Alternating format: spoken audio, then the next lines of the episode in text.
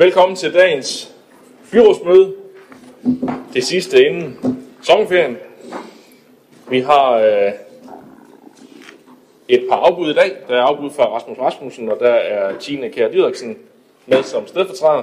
Så er der afbud fra Ulla Koman Meyer, og der er Vivi Lindblad med som stedfortræder. Så velkommen til jer.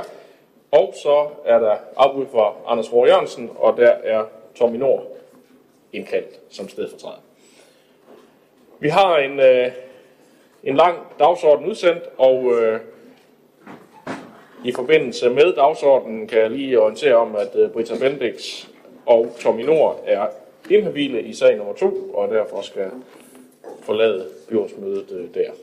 Men den første sag på dagsordenen hedder godkendelse af dagsordenen, og jeg skal høre, om der er nogle bemærkninger til. Det har øh, Anne-Marie. Værsgo. Jeg vil gerne lige kommentere, der er en sag, der kommer på et kl. 1. Det synes jeg personligt er meget, meget sent, når man ikke sidder i økonomiudvalget. Jeg har ikke noget at sætte mig ordentligt ind i den. Jeg har forsøgt, men jeg kommer nok til at stemme imod den årsag. Så det synes jeg er meget uheldigt, men altså... Ja. Det er også helt usædvanligt, at øh, en sag, der bliver begavet byrådet, øh, ender på øh, samme dag, men øh, der var også øh, et tidsaspekt i det, som vi lige kan komme ind på, når vi, øh, når vi behandler sagen. Men øh, med de bemærkninger har vi hermed godkendt dagsordenen. Og så, Tommy, skal du forlade lokalet i et øjeblik.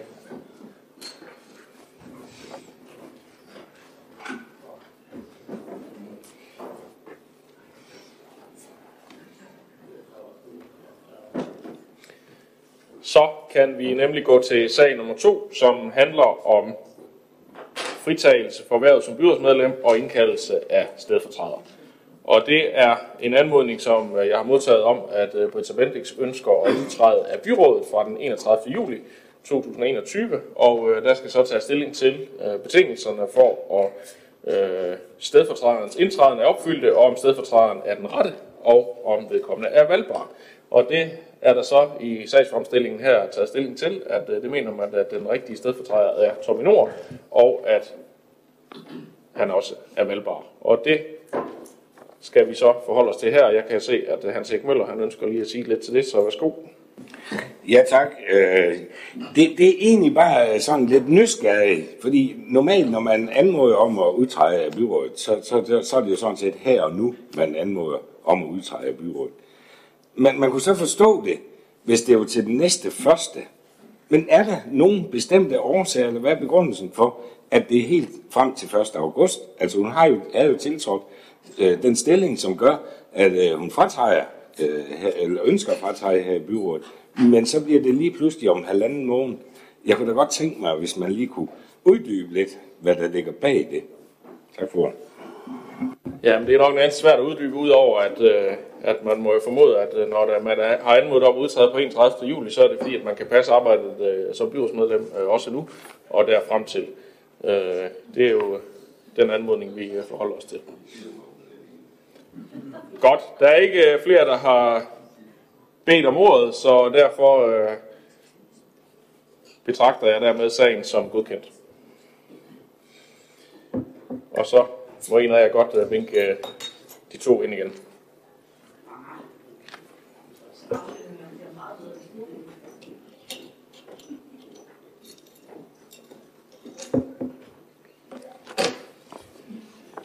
Så bringer det os videre til øh, sag nummer 3, som handler om øh, borgerrådgiverens beretning for 2019 og 2020. Borgerrådgiveren i Esbjerg Kommune har udarbejdet sin 6. beretning, og i beretningen redegøres for antallet af henvendelser til borgerrådgiveren, og beretningen indeholder desuden fremadrettede fokusområder og anbefalinger, som forvaltningen og borgerrådgiveren i samarbejde vil følge op på. Og så er der også i sagen og i beretningen nævnt noget om, at der formodentlig jo kommer en whistleblower-ordning senere på året, men at man jo, øh, det var i hvert fald drøftelsen på økonomiudvalgsmødet, at vi er enige om, at øh, det er ikke noget, vi sådan konkret kan forholde os til, før vi kender de lovgivningsmæssige rammer, som er ved at blive håndteret på Christiansborg, men at det der selvfølgelig kan være meget fornuftigt at tænke borgerrådgiveren ind i det sammenhæng. Der er et par stykker, der har bedt om ordet. Den første er Jens Nedgaard. Værsgo, John. Jo, kun bare lige ganske kort for at sige, at øh, vi i Socialdemokratiet er meget, meget glade for, at vi har sådan en borgerrådgiverordning, og jeg synes, øh, de beretninger, vi får fra vores borgerrådgiver, er meget, meget gode med nogle, med nogle meget centrale og vigtige øh, øh punkter, øh, som øh, vores borgerrådgiver tager op.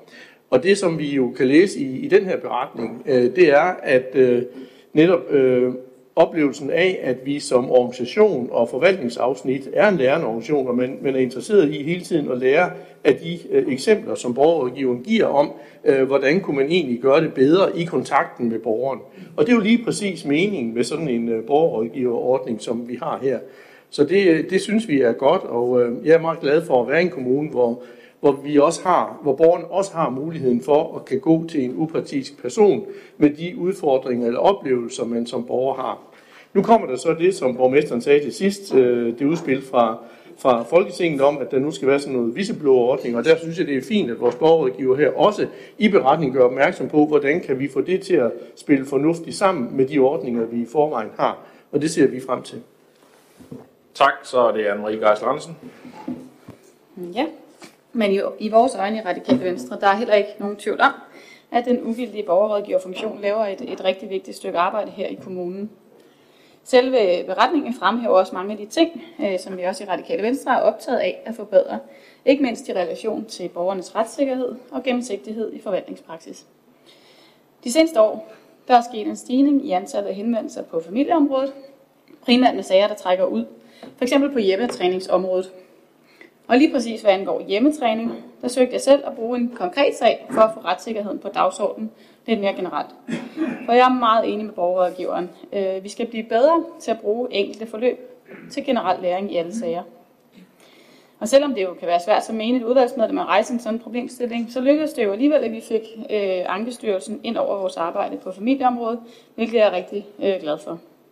For selvfølgelig sker der fejl. Der er et hav af lovgivning og regler på området, som vi skal efterleve. Og netop derfor skal vi også hele tiden bestræbe os på at blive bedre. Et arbejde, som borgerrådgiveren i den grad bidrager til og kan bidrage til fremadrettet. I den sammenhæng så vil jeg gerne nævne, at vi jo desværre ikke har en jurist ansat på børne- og kulturområdet længere. Og desværre siger jeg, fordi det er efter min bedste overbevisning, at der er behov for et kompetenceløft inden for forvaltningsretlige principper, som partshøring, agtindsigt, begrundelse med mere. Så det er noget, vi i Radikale Venstre vil arbejde for. Sidst, øh, så fremgår det også af borgerrådgiverens beretning, og ja, nu hørte jeg ikke Jesper, hun først nævnte det indledningsvis, øh, men, men det her med, at funktionen i perioder har været presset på ressourcer, ikke mindst for at kunne sikre den nødvendige tilgængelighed, og for at kunne hjælpe alle dem, der henvender sig. Måske også for at kunne være mere opsøgende i indsatsen, indgå i læringsforløb med forvaltning med mere. Men det fremgår også, at kommuner, som allerede har en borgerrådgiver, kan søge støtte til udvidelse. Og hvis du ikke øh, nævnte det indledningsvis, hvor jeg var optaget af min tale, så vil jeg gerne foreslå, at vi benytter os af denne mulighed, hvis vi ikke allerede har gjort det. Der er meget bekendt frist den 11. august, så vi har ikke flere byrådsmøder inden da, hvorfor jeg ikke kan nå at fremsætte forslaget selv. Men måske det heller ikke behøver at gå via byrådet, for at vi kan få ansøgt. Måske borgerrådgiveren selv kan ansøge. Det kunne jeg rigtig godt tænke mig at få et svar på i aften, for det håber jeg meget, at vi kan. Tak, så er det Søren Møris. Ja, tak. Øh, jeg ser altid meget frem til at læse de her beretninger fra borgerrådgiveren, fordi jeg synes, det giver et godt sådan overordnet blik om, øh, hvordan det står til øh, i de forskellige forvaltninger rundt omkring i vores kommune. Jeg synes også, at vi rent faktisk har formået at ændre på nogle af de ting, som øh, borgerrådgiveren har haft op at vende. Specielt har jeg i den her beretning lagt mærke til det afsnit omkring øh, kontakt med udsatterådet i Esbjerg Kommune, mm-hmm øh, som jeg ser meget frem til at kunne blive en, en stor gevinst, ikke mindst for de udsatte selv. Fordi det er nok den gruppe af borgere, som har det allersværest i vores system generelt, og har sværest ved både at hitte rundt i det, men også jo ikke har den samme opbakning, som mange af os andre har i forhold til pårørende eller nogen, der kan hjælpe os. Øhm, så at borgerrådgiveren har taget det initiativ og, og snakket med udsatte råd og på den måde øh, forløftet en, en anden borgergruppe og, og deres kontakt til, til systemet ser jeg som rigtig, rigtig positivt. Så det var bare lige de ord. Tak. Tak, så er det Diana Olsen. Ja, men jeg vil da også gerne knytte et par positive kommentarer til den, og da vi i 2014 rejste som øh, et ønske i forbindelse med budgettet og endte med at få det vedtaget, der tror jeg faktisk ikke helt, vi havde fantasi til at forestille os, hvor meget det egentlig har udvidet, øh, eller udviklet sig. Jeg tror, at nogle af de ting, som vi havde et ønske om, det var, at man kunne tage temperaturen øh, på forvaltningen, altså at man ligesom kunne tage temperatur på den service, man gav. Øh, jeg tror, den første øh, hvad hedder det, øh, beretning, som, øh, som borgerrådgiveren øh, sendte til os, den gav faktisk anledning til lidt konflikt, kan jeg huske. Øh, fordi at det blev opfattet negativt, øh, at man stillede spørgsmålstegn ved øh, nogle områder, der ikke fungerede. Og der synes jeg faktisk, at udviklingen er gået fra, at det blev en beretning, der fokuserede rigtig meget på det negative, på de ting, der ikke fungerede, til at have fokus på, hvordan er vi en lærende organisation. Hvordan kan man som borgerrådgiver gå med ind og understøtte udviklingen. Øh, og det øh, kan jeg ikke rose nok, for jeg tror faktisk, at det gør, at vi som organisation bliver endnu stærkere og endnu klogere på de henvendelser, som en borgerrådgiver får. Jeg kan måske godt være bekymret for, om, om vi kan vedblive med at have øh, samme høje niveau, når man nu kan se den udvikling, der er gået. Dels at hun jo tager imod rigtig mange, hun er med som, øh, som bisider, øh, og udover det, så er hun faktisk også med til at understøtte en læring de steder, hvor vi måske mangler noget. Og derfor vil jeg da godt øh, bakke op om, at, øh, at vi forhåbentlig kan søge øh, ind i den pulje, som jo ikke alene er frigivet til de kommuner, der ikke har en borgerrådgiver, men faktisk også til de kommuner, der allerede har en. Og mig bekendt er det ikke en sag, der skal i byrådet, men vel egentlig bare noget, man kan arbejde videre med. Janne nævnte det også lige, da hun var i økonomiudvalget, øh, at, øh, at, at det her det var, øh, det var en pulje, der var. Og det er jo oplagt, at vi, at vi ligesom søger ind på den, og så ser, hvordan kan vi udvikle området, også når vi forhåbentlig skal køre whistlebloweren ind over, som jeg synes er oplagt, når nu man har, har kendskab til det sted, hun sidder, der hvor hun er. Men, men stor ros til det, og vi havde sådan set ikke forestillet os, at det skulle blive øh, så godt. Vi troede, det blev rigtig godt, men det her det er alligevel bedre. Tak. Øh, det er rigtigt. Vi vendte også lige ord om det med den pulje i økonomiudvalget, og øh, øh, ordlyden øh, opfatter jeg nu nok mest som om, at det er en understøttelse af de kommuner, der ikke har en ordning. Men det er rigtigt, at det står, at det kan også øh, søges øh, for de kommuner, der, der har det i forvejen. Og øh, det kan vi selvfølgelig prøve at gøre, og så kan vi jo bringe det op til en politisk øh, sag, hvis vi skulle få pengene. Øh, hvordan er det så, vi øh, ligesom øh, anvender de midler, som staten måtte øh, understøtte os med. Men vi behøver ikke at, sådan at tage stilling til, at vi skal søge. Det øh, øh arbejdes der i forvejen med. Så med det tænker jeg, at vi kan godkende, eller tage beretningen til efterretning. Er det det, vi skal? Men øh, det er der nok ikke så meget forskel på lige her. Så det er det, vi gør. Og går videre til sag nummer 4, som er en ansøgning om tilskud til sommeraktiviteter fra Handelsdagsforeningerne HHI Bramming, Ribe Handelsdagsforening og Esbjerg City. De har fremsendt tre forskellige ansøgninger på tre forskellige beløb på nogle forskellige aktiviteter, som de gerne vil øh, hver især gennemføre øh, for at, ligesom at være med til at understøtte øh, og få handelsliv tilbage til tiden øh, før corona og skabe noget liv i bymidterne. Og øh, det har vi øh, behandlet i økonomiudvalget i sidste uge, og øh, der var der et øh, flertal, øh, der var indstillet på at følge de ansøgninger, som øh, Handelsdagsforeningerne havde sendt, sådan at der kunne gives tilskud til HRI Bramming på 100.000, Ribe, til Ribe Handelsdagsforening på 150.000, og et tilskud til Esbjerg City på 750.000. Og Socialdemokratiet tog forbehold øh, i den forbindelse. Og det kan være, det er derfor, at Jørgen han lige har bedt om ordet nu til at fortælle, om de har fundet ud af, hvordan de vil stille sig i den sag. Værsgo, John. Ja, det vil jeg meget gerne, og, øh, og, og Socialdemokratiet, vi, vi støtter øh, indstillingen øh, her i byrådet i aften. Vi er i partiet helt generelt positive over for at yde støtte til det lokale erhvervsliv, hævende i vores tre hovedbyer, Bramming, Ribe og Esbjerg, og ikke mindst særligt i lyset af, af den meget vanskelige tid for handelslivet, siden Danmark jo lukkede ned med corona øh, i marts måned 2020.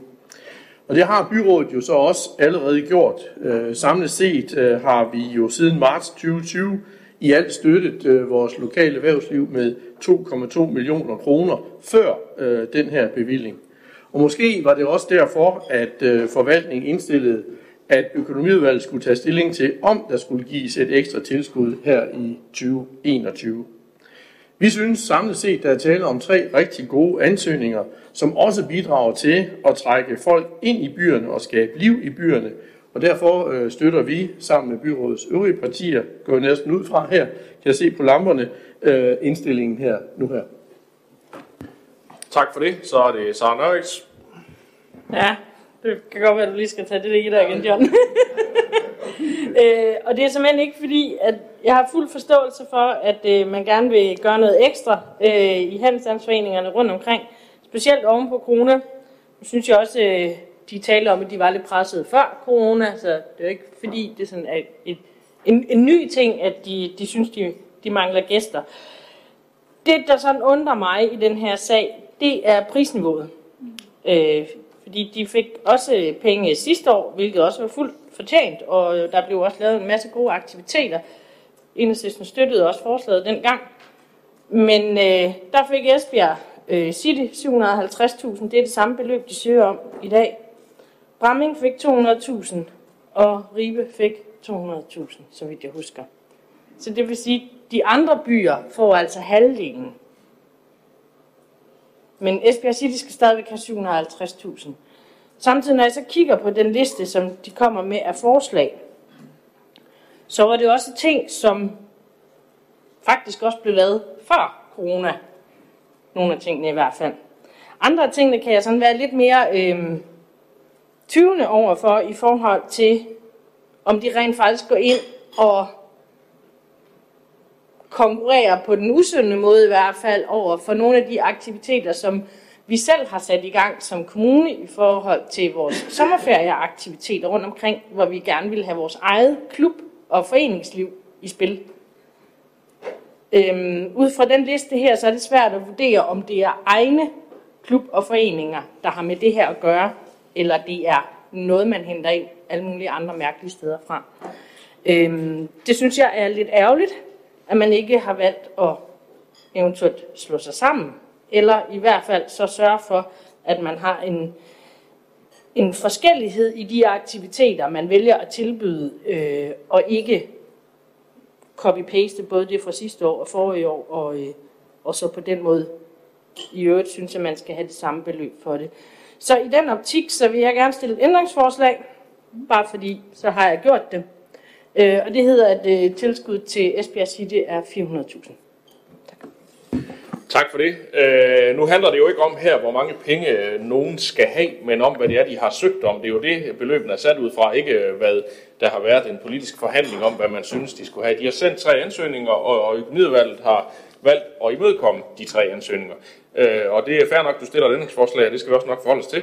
Øh, men øh, Øh, jeg vil godt bare lige sætte et par ord på, øh, fordi jeg er sådan set øh, overhovedet ikke enig i, at det er noget, som øh, ligner copy-paste. Jeg synes, øh, øh, jeg formoder, at det er Esbjerg Citys ansøgning, du henviser mest til i de ting, du fremhæver her. Og, og det, som Øh, jeg opfatter, der ligger i det her, det er selvfølgelig, at man gør brug af al den øh, aktivitet og de foreningsliv, der er der i forvejen øh, her i kommunen, og samtidig også prøver på at lave nogle forskellige events og nogle aktiviteter, sådan at man får familierne til at komme i højere grad ind og få en oplevelse i en bymidte, og forhåbentlig også kan understøtte handels- og restaurationslivet lidt i samme forbindelse. Det er jo hele humlen i det her. Og det er der jo nogle forskellige elementer i at bygge en sandkasse og, og lave nogle ting og sager i det, eller lave nogle, nogle af de her forskellige uh, events. Så uh, det, uh, det synes jeg ikke er copy-paste, men tværtimod nytænkning, uh, sådan som jeg opfatter det.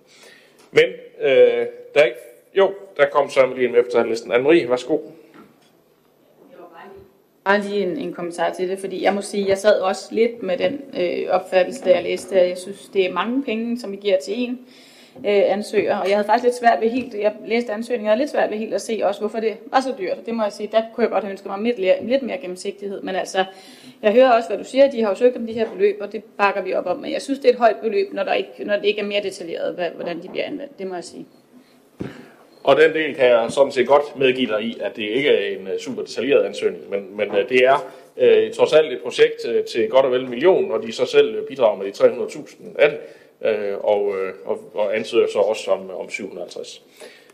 Men Sara har stillet et øh, ændringsforslag, og øh, det øh, skal vi have forholdt os til. Og nu er det jo, det bliver spændende, om øh, vi kan, øh, kan se noget på en, øh, en afstemning. Øh, den arbejder lidt på sagen, så lykkedes det i hvert fald at få den åbnet op, så hvis man kan støtte SARS forslag, så stemmer man for, og Vil man ellers følge det, som økonomiudvalget besluttede, så stemmer man imod.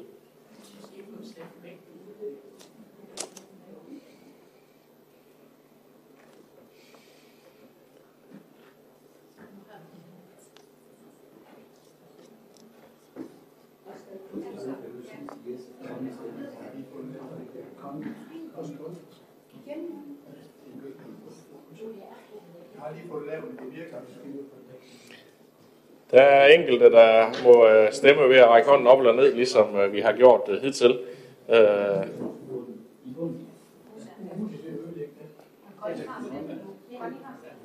Yes.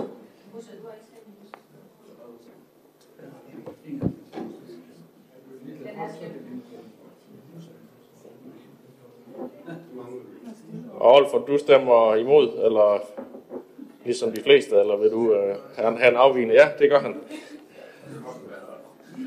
Godt.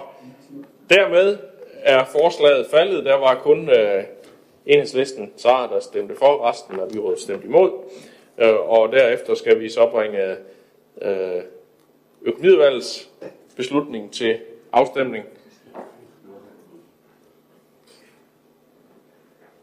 Ja, det, nu skal jeg ikke lige begynde at stemme, for vi er, den er ikke lige, øh, den, den er ikke lige åbnet endnu.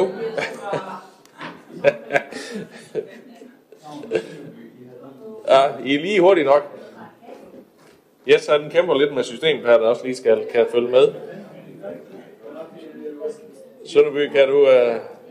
Ah, det er, det, er, det er registreret før. Du fik en påbud.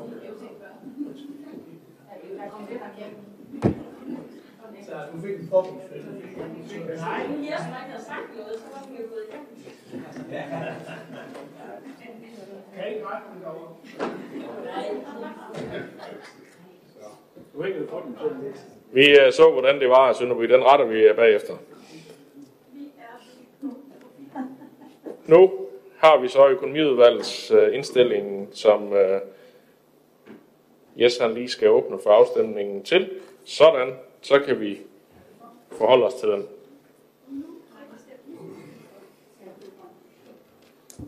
Så kører det.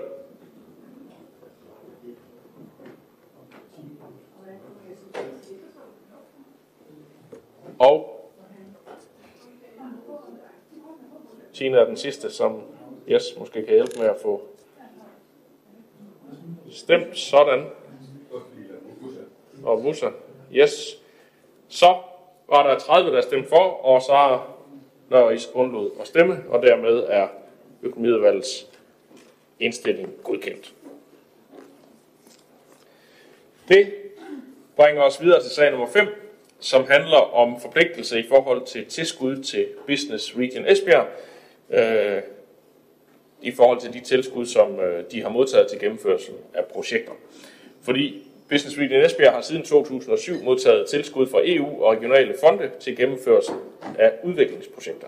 Tilskudsmodtageren har pligt til at opbevare dokumentation for projekterne i en afgrænset periode, og i den periode har tilskudsgiveren mulighed for at foretage opfølgning på projekterne. Hvis opfølgningen viser, at projektet eller dele heraf ikke er tilfredsstillende gennemført, har tilskudsgiveren mulighed for at kræve hele eller dele af tilskud tilbagebetalt. Da de deltagende kommuner i Business Region Esbjerg, som er Fanø, Tønder, Varde og Esbjerg, har besluttet at nedlægge BRI som en projektorganisation, ved eventuelle krav om tilbagebetaling af tilskud efterfølgende blive rettet mod de deltagende kommuner. Og der har vi så en forpligtelse forholdsmæssigt i den forbindelse, som det her anmodes om, at vi tager til efterretning. Og det er der ikke nogen, der har bedt om ordet til, så det har vi hermed gjort. Det bringer os øh, videre til øh, sag nummer 6, som handler om garantistillelse for en kassekredit til destination Vadehavskysten.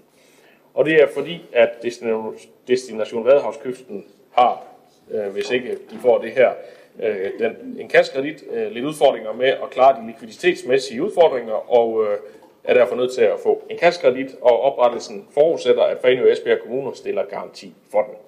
Kassekreditten og dermed garantien er tidsbegrænset i tre år, og aftalen kan ikke forlænges. Det skal jeg høre, om der er nogle bemærkninger til. Det ser ikke ud til at være tilfældet, så det kan vi hermed give garantien til. Det bringer os videre til øh, sag nummer 7, som handler om en ansøgning fra Bramming Fjernvarme Amper om en garantistillelse på 5,5 millioner kroner. Og det er fordi, at Bramming Fjernvarme skal øh, lave, have et lån, som skal anvendes til køb af et nyt gaskedelanlæg til erstatning af de nuværende udtjente anlæg. Bramming Fjernvarme er et ampeselskab, og der i henhold til varmeforsyningsloven ikke må have en kassebeholdning, men skal låne til finansiering af projekter og driften deraf. Så jeg skal høre, om der er nogle bemærkninger til, at vi giver dem en garanti for den investering. Det er der ikke, så det kan vi hermed sige ja til. Så når vi til sag nummer 8, som handler om en skema A-godkendelse på Stengårdsvej, hvor Boligforeningen Ungdomsbo har fremsendt en ansøgning øh, omkring garantistillelse og økonomisk deltagelse i forbindelse med nedrivning af 75 familieboliger på Stengårdsvej. Nedrivningen er en konsekvens af den, der hedder bekendtgørelse om fysisk forandring af hårde ghettoområder, som Folketinget vedtog i 2018. Og Stengårdsvej er en del af denne plan, og for at efterkomme målene i planen, skulle der udarbejdes en lovpligtig udviklingsplan for området, og et af tiltagene i den plan er at nedrive 75 familieboliger. Projektbeskrivelsen er baseret på den lov, lovpligtige udviklingsplan, som Esbjerg Byråd har godkendt den 3. juni 2019. Og det er der et par stykker, der har bemærkninger til. Den første er Diana Mos Olsen. Værsgo. Tak skal du have. Jeg blev lidt overrasket over at se, at jeg ikke selv havde stemt imod den 7. i 6. Øh, men det er selvfølgelig, fordi jeg har afbudt den dag, så det bør nok stå. Øh, det er bare lige mere, at øh, ja, det ville jeg have gjort, havde jeg været med til økonomiudvalgsmødet. Og grunden til, at øh, vi i SF stemmer imod, det er simpelthen, fordi vi generelt er imod øh, den lovpligtige udviklingsplan. Og grunden til, at vi er imod den, det er, fordi vi bliver tvunget til som kommuner at nedrive ganske sunde boliger, og for det andet, så sætter vi øh, demokratiet ud af spil. Og det gør vi jo blandt andet ved, at vi jo, øh, hvad skal man sige, hiver afdelingsbestyrelsen, som jo dybest set er dem, der normalt skulle sige ja eller nej til øh, ændringer af deres boligmasse, dem hiver vi helt ud af, øh, af ligningen, og det gør vi jo simpelthen, fordi det er lovgivningen, der er gået ind og trådt ind over øh, den øh, normale demokratiske proces, der er derude. Så det bliver et, øh, et nej øh, fra SF's side af til den her del af det. Tak for det. Så er det øh, uh, Sara Nøjes. Ja, den korte version er, det bliver også et nej herfra. Øh, den lidt længere version, det er meget, eller Dianas jo sjovt nok, det handler om, at øh, vi kan ikke se nogen grund til, og så i øvrigt bruge sådan et absurd stort beløb på at rive boliger ned. Kunne man måske bruge det der absurd store beløb på at renovere dem i stedet for, for jeg er helt med på, at det der det er nogle af de ringeste, der er ude på Stengårdsvej, men man kunne jo godt sætte dem i stand i stedet for. Det var der måske mere ræson i, i, i virkeligheden. Så kunne man gøre alt muligt andet, hvis det er fordi, at man gerne kunne tænke sig at ændre lidt i beboersammensætningen. Der er mange muligheder for at gøre det. Øh, jeg har også hele vejen igennem stemt imod den lovpligtige udviklingsplan, øh, og mere eller mindre alt, hvad der kommer af den. Og det har jeg tænkt mig at fortsætte med. Tak. Tak for det, Anne-Marie Geisel Andersen.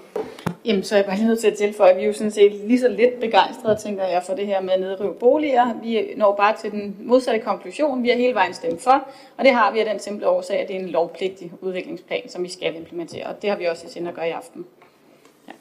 Tak for det. Kort og præcist, så er det jo snikker. Ja, men øh, det er jo meget lige det, Anne-Marie siger, fordi da vi behandlede sagen øh, den 3. juni 2019, der havde vi fra den socialdemokratiske gruppe jo også meget store betænkeligheder ved det her, blandt andet fordi, at vi synes, det var en voldsom indgriben øh, i forhold til sådan et, et område, hvor, hvor man skal nedlægge boliger, flytte mennesker, som er glade for at bo, hvor de bor, plus hele, alle de konsekvenser, det også har for hele vores øh, dagpasningsområde. Men da det netop er en lovpligtig udviklingsplan, så øh, er vi vejen vist, og derfor øh, er vi nødt til at sige ja, fordi det er jo sådan, loven er. Og den øh, sang kunne jeg også selv have sunget, det er jeg helt enig i. Øh, uanset om man er enig eller ej i øh, en lovgivning, jamen så øh, plejer vi normalt at følge den, øh, og så prøve at forvalte den øh, på de steder, hvor vi har opgaven dermed. Øh, og her er det jo øh, en, en lovgivning, der også siger, at vi er simpelthen nødt til at nedbringe antallet af familieboliger, så uanset hvordan man kunne renovere eller ej, jamen så løser det ikke den opgave, vi er stillet i udsigt. Øh, og øh, derfor er vi selvfølgelig også fortsat eller stemmer for øh, den her anmodning, som er en del af planen. Diana, du har bedt om ordet igen. Værsgo.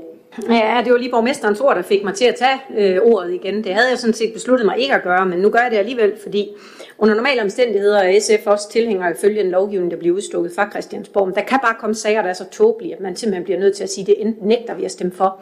Jeg husker, Venstre gjorde noget tilsvarende. Jeg tror, det var noget randzone, noget landbrugs et eller andet, hvor I rent faktisk, ligesom jeg gør i dag, stemte imod den lovgivning, der ligesom var skivet. Det er bare lige for at sige, i har også gjort det. Så det kan ske. Så er det her med legitimeret. Øh, men, Når selv borgmesteren gør det, så kan et rødt parti også tillade sig Men, at øh, gøre det. nu har jeg ordet, Diana. Øh, men øh, vi øh, skal have den her sag bragt til afstemning. Den er ganske alvorlig, selvom vi øh, kaster lidt øh, øh, hvad hedder det, bemærkninger efter hinanden her på i en humoristisk tone. Øh, og derfor skal vi selvfølgelig have forholdt os til øh, sagen og have øh, stemme for, hvis man kan fuldt følge indstillingen eller imod, som andre har argumenteret for, at de vil gøre. Yes, det gik ganske hurtigt. Det lykkedes at få 31 stemmer her. Der var 28, der stemte for, og 3, der stemte imod, og den er dermed vedtaget. Så når vi til øh, sag nummer 9, som handler om udvidelse af Sydstjernen i Ribe, en sag, der har været i børne- og familieudvalget. Så Diana, du får lov til at sige lidt til den. Værsgo. Tak for det. Øh, sagen her handler vel egentlig om en udvidelse af økonomien. Øh, vi har afsat økonomien en gang, nemlig i budgettet i 19 til, budget 19 til 22. Der afsatte vi 11 millioner kroner til at udvide døgninstitutionen Sydstjernen fra 8 til 16 pladser til anbragte børn og unge. Men de yderligere 8 pladser, så kan vi fremover tilbyde flere børn og unge et tilbud i Esbjerg Kommune. Desværre er der bare sket det, at siden vi afsatte budgettet til projektet, ja, der er simpelthen sket en vanvittig prisudvikling, som vi jo desværre også ser andre steder, og det betyder, at der nu mangler 2 millioner kroner, for at projektet rent faktisk kan gennemføres. Og den primære årsag øh, er, at udvidelsen af Sydstjernen den er ramt af de her samme prisstigninger i håndværkerydelser og råvarer, som man ser på tværs af alle anlægsområder. Forvaltningen har undersøgt og indregnet de muligheder, der måtte være for at minimere omfanget af den manglende finansiering, men det er simpelthen ikke lykkedes. Øh, Godkendelsen af de her ekstra 2 millioner kroner, det betyder rent faktisk, at vi kan få sat gang i byggeriet, og vi fra 2022 så kan forvente at kunne tilbyde endnu flere børn og unge et tilbud hjemme i Esbjerg Kommune, i stedet for at sende dem uden for kommunen. Tak for ordet. Tak for det. Majbrit André Andersen. Jamen tak for det. Jeg øh, tog jo et forbehold i øh, økonomiudvalget, og det gjorde jeg sådan set på baggrund af, at øh, den her døgninstitution ligger ved siden af en børnehave. Og det, der er sådan lidt bekymrende i det for mig at se, det er jo, at man tager en, en målgruppe unge, som er jo egentlig er væsentligt tungere end den målgruppe, der er placeret der i dag, og udvider med ved siden af nogle små børn. Den bekymring har jeg som en stadig, men nu har jeg sagt det. Og øh, så kan jeg om ikke andet sige, øh, hvad sagde jeg øh, en gang, hvis der sker noget, og det øh, håber jeg, der aldrig nogensinde øh, kommer til at ske. Øh, det jeg egentlig er interesseret i at høre om, det er, at det bliver sendt i høring øh, i Handicaprådet og Udsatterådet. Men har man hørt forældrebestyrelsen i øh, børnehaven, og har man hørt øh, medarbejderne, kunne jeg godt lige øh, tænke mig at få lidt ord på, altså specifikt i nabobørnehaven. Øh, det synes jeg er jo ret væsentligt i forhold til, at man laver en markant udvidelse som den her, øh, lige ved siden af at høre øh, naboerne. Hvad tænker de? Tak. Diana, kan du sige lidt til det? Yes. Værsgo. Nej, jeg kan faktisk ikke sige andet end det, jeg er ikke bekendt med, om man har, men det har jeg da en forventning om, at man har, i og med, at man rent faktisk også tager øh, noget af deres legeplads. Så på en eller anden måde er det jo en forventning, jeg har om, at det netop har været i bestyrelsen.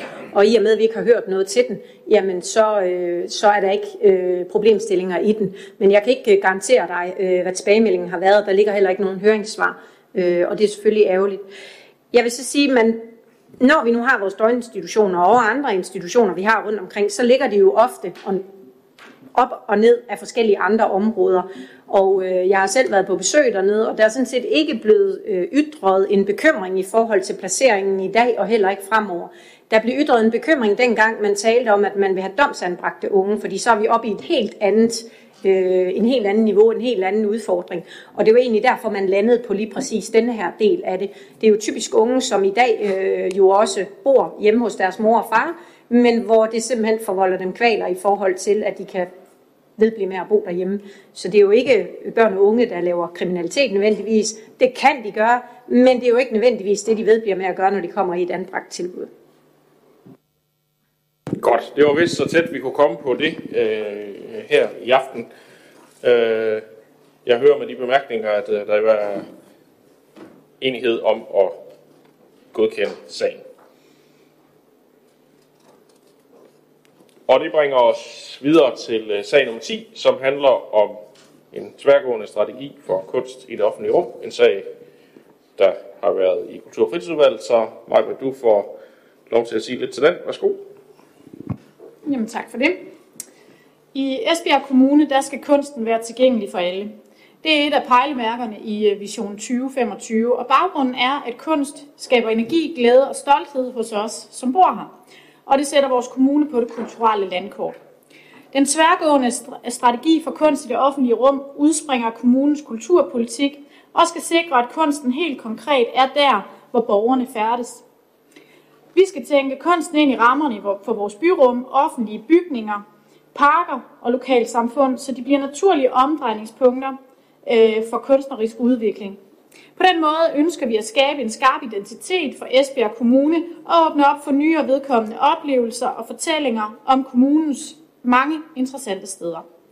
Strategien er blevet til i et tværgående samarbejde mellem Børn og Kultur og Teknik og Miljø og Esbjerg Kommunes Kunstråd, mens Statens Kunstfond har bevilget støtte til ekstern kunstfaglig rådgivning.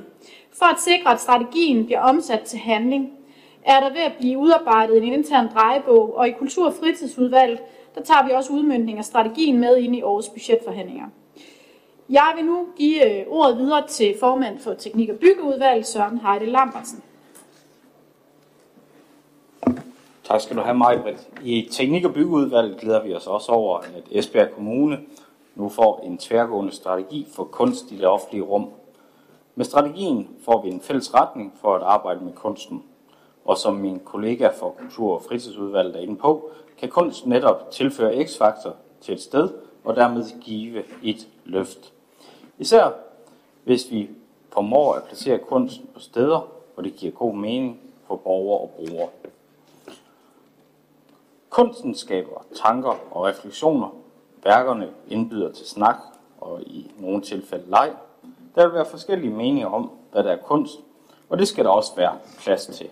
Kvalitet og fællesskab er kerneværdier i strategien, ligesom forankringen i det lokale sted karakteriserer, og, historie er, og historien er en øh, central del. Strategien lægger vægt på at inddrage borgerne i konkrete kunstprojekter, som både kan være af midlertidig og blivende karakter. Det bliver rigtig spændende at arbejde videre med tankerne fremover. Strategien viser nogle af vores kendte kunstværker i det offentlige rum, og det er helt sikkert plads til nogle flere markante værker, som gør vores byer, parker og offentlige bygninger endnu mere interessante. De, de politiske fagudvalg og økonomiudvalget indstiller til byrådet, at Kultur- og fritidsudvalgets indstilling godkendes. Tak for det. Så er det Sara Nøjes. Jamen, jeg havde lige tænkt, at det skulle hele vejen rundt til alle udvalgsformændene. Øh, det skulle den så ikke. Jeg er specielt glad for det sidste, du siger, Søren, at det er Kultur- og fritidsudvalgets indstilling, der er godkendt, og ikke bare godkendt, fordi det står sådan lidt i en stor pærevælling, det her. Sådan er det jo nok. Øh, i forhold til tilblivelsen af, af den her tværgående strategi for kunst i det offentlige rum, har, har vi virkelig været vidt omkring i udvalget, og det har været, synes jeg, en meget, meget spændende proces, øh, også lidt lang, også lidt langhåret en gang imellem. Øh, øh, ikke mindst det skriftlige materiale, øh, men sådan er det jo, når man bevæger sig ind på noget, som, øh, hvor der så sidder nogle, nogle, nogle fagnørder i, som i deres lille boble, så kan det godt være lidt svært måske altid lige at gennemskue, hvad det egentlig er, de snakker om, før man har sådan helt har forstået det. Men jeg synes, vi er kommet rigtig, rigtig godt i mål, og jeg glæder mig til, at vi så netop skal til at arbejde øh, konkret med den. For noget af det kunst kan rundt omkring, det er, at det også kan binde områder sammen. Det kan animere til, at jeg skal gå den vej her, her hvor der måske så også er lys, i stedet for at jeg skal gå den vej, selvom det er den korteste vej. Så det kan også gøre noget rent sikkerhedsmæssigt i forhold til den følelse, man har, når man går hjem, når det er mørkt og sådan nogle ting. Så du kan bruge kunst på rigtig mange andre, altså rent praktiske måder, end bare til, at det ser godt og pænt ud. Det der. Det var det, jeg ville sige. Tak. Tak for det. Så er det øh, Preben Rudingård.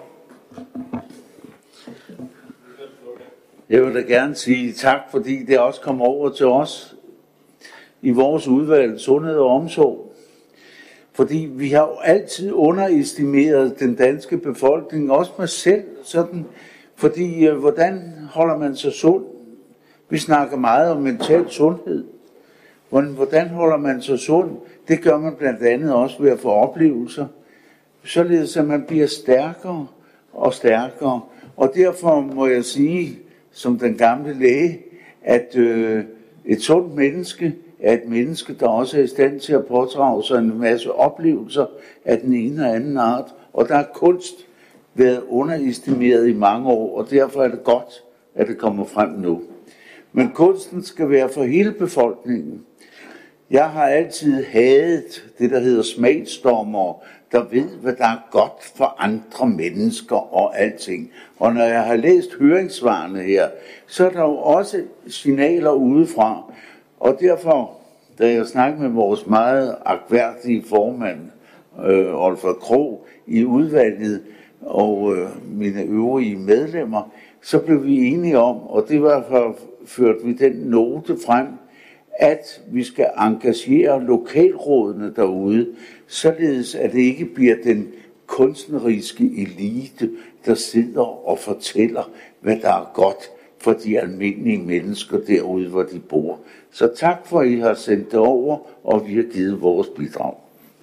Tak. Der er et par stykker mere på listen, og bare for at præcisere, hvad det er, vi forholder os til lige om lidt, så er det økonomiudvalgets indstilling, hvor der står, at det sådan set er kulturfritidsudvalgets indstilling, men at der også sikres bred involvering, og det er lige præcis for at fange den pointe, der var fra Sundhed- og Omsorgsudvalget der. Det var sådan, vi forsøgte at samle det i økonomiudvalget, og det er så den, øh, der bringes øh, ind her. Så er det Jørgen Bosen Andersen. Ja, tak. Jamen, det er lidt i stil med Preben Rudingård, for jeg øh, blev lidt inspireret af det, du lige sagde, Preben, fordi jeg synes faktisk, det er meget vigtigt, at øh, vi nu øh, øh, får lavet sådan en fin strategi, som vi har fået lavet her. Den bakker vi fuldt ud op om det. Men at, at det bliver stedbundet. Altså, at vi finder noget kunst øh, og værdsætter det og får det placeret rundt omkring i hele kommunen. Der er rigtig mange lokalområder, der har idéer og interesser i at få skabt noget, og det skal vi også støtte op om. Så vigtigt er, at strategien spreder sig helt ud. Og så er vi tilbage, hvor vi startede. Majbert, værsgo, vil du øh, konkludere og summe op? Måske. egentlig bare øh, kvittere. Øh, man kan sige, øh, det vi har snakket en del om i Kultur- og fritidsudvalget, jeg er sikker på, at man også har, har talt meget om det i teknik- og byggeudvalget, det var jo, at den her brede involvering faktisk er rigtig væsentligt. Og meget af det, der har været talesat i det udvalg, jeg sidder i, det er jo netop også ikke kun lokalrådene, men også elevrådene, det kunne være ældrerådene, det kunne være skolebestyrelserne, afhængig af, hvad det er for nogle projekter ude lokalt, man arbejder med i forhold til den her strategi. Så det var egentlig bare lige en krølle på den. Og så vil jeg bare lige sige, at det er jo super vigtigt, at vi har haft fået den rundt i alle fagudvalgene, fordi øh, den brede politiske opbakning til det her er vigtig, hvis det skal ud at virke. Godt. Der er ikke flere på talelisten, og øh, jeg tillader mig dermed at konkludere, at der er opbakning til økonomiudvalgets beslutning, også i byrådet.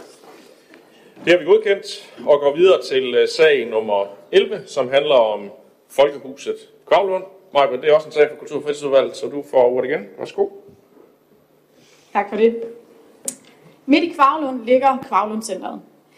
Det er et mindre center i forske- med forskellige aktører, blandt andet biblioteket og bydelsprojekt 3 i 1, og umiddelbart ved siden af ligger Kvavlund Kirke. Esbjerg Kommune og Kvarlund Kirke har givet hinanden håndslag på, at kirken kan købe de bygninger, som i dag rummer biblioteket, og derefter etablere Folkehuset Kvarlund, Kvarlund med kommunal støtte, og det arbejde er i gang nu. Folkehuset skal være et fyrtårn for det lokale kulturliv og danne rammen om en lang række aktiviteter, primært rettet mod borgerne i Kvavlund. Men borgere fra andre bydele, af kommun, eller bydele og resten af kommunen er også velkomne. Formålet med at styrke sammenhængskraften i Kvavlund og øge øh, tiltrækningen til området. Folkehuset Kvavlund ejes og drives af Kvavlund Kirke med Esbjerg Kommune som nær samarbejdspartner og lejer. Og derfor er der udarbejdet en samarbejdsaftale mellem Kvavlund Kirke og Esbjerg Kommune, som skal godkendes i dag af byrådet. Og på den baggrund, der anbefaler Kultur- og Fritidsudvalget og Økonomiudvalget, at byrådet følger indstillingen. Tak for det. Så er det Conny Geisler. Ja, jamen øh, der var jo meget oplysende også i det, du øh, sagde, Majbrit Andrea. Øh, samarbejdsaftalen med Folkehuset øh, Kvavlund har til formål at styrke sammenhængskraften i Kvavlund og øge tiltrækningskraften til området. Det skal være et fyrtårn for det lokale kulturliv.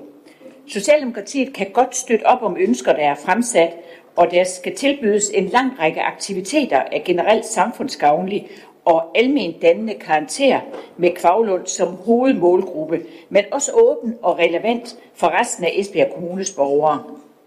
Esbjerg Kommune yder et årligt tilskud til blandt andet ledelse og drift af Folkehuset Kvavlund, samt til afviklingen af aktiviteter og arrangementer. Tilbuddet det skal være forenligt med den andel, som anvendes til Folkehusets formål, så det ikke får karakter af støtte til kirke, erhvervsvirksomhed, religiøse formål eller enkelte personer. Tilskuddet fra Esbjerg Kommune må udelukkende anvendes til aktiviteter, som kommunen lovligt kan støtte.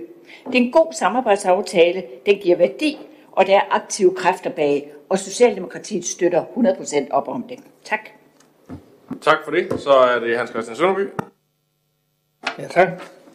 Som bosiddende i Kvavlund, så glæder det mig, at det lykkedes at få afsat et beløb ved sidste års budgetlægning, som samtidig bakker op om forskellige tiltag, der gør det muligt for Kvavlund Kirke at foretage ombygning og tilbygning til biblioteket efter overtagelse og dele af kirken, så vi inden alt for længe kan opleve bygningsfaciliteter, der kan danne ramme om en styrkelse af det fællesskab, der er så værdifuldt i alle lokalområder. Kvavlund er kendetegnet ved at være et varieret boligområde, omkranset af grønne områder til alle sider. Mange borgere i området har længe haft den opfattelse, at området kun stod forrest, når det skulle tildeles især kulturelle problemer. Nu er der en lidt anden kommunal bevågenhed på vej, og det er da fint.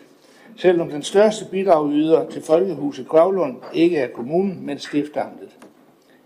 I centerområdet i Kvavlund, som er center for et område, hvor der bor ca. 4.000 mennesker, nogenlunde det halve af Ribe, er der ud over kirken, som har påtaget sig opgaven at etablere folkehuset, en fakta, en bodega, en genbrugsbutik, en privat daginstitution, Kravlundhallen, og så er der bibliotek, børnehuset Kravlund og Kvavlund skole, og det er kun de tre sidste Esbjerg Kommune drifter. I nævner det blot til eftertanke hos dem, der ofte her i byrådet giver udtryk for en forfordeling af deres egen lokalområde, og jeg, gentager, og jeg gentager det gerne, hvis det efterspørges. Samarbejdsaftalen, den er, som den skal være, mener jeg, og det var jo det, det drejede sig om, trods alt. Men jeg fik lejlighed til at også lige fortælle lidt om Kvavlund. Tak for det. Tak for det, og jeg tænker, vi skal nok komme, hvis det er, vi har brug for at få det gentaget. Ja, det er helt øh, fint. Sønderby. Det øh, kan vi godt lave en aftale Det er en aftale. Yes.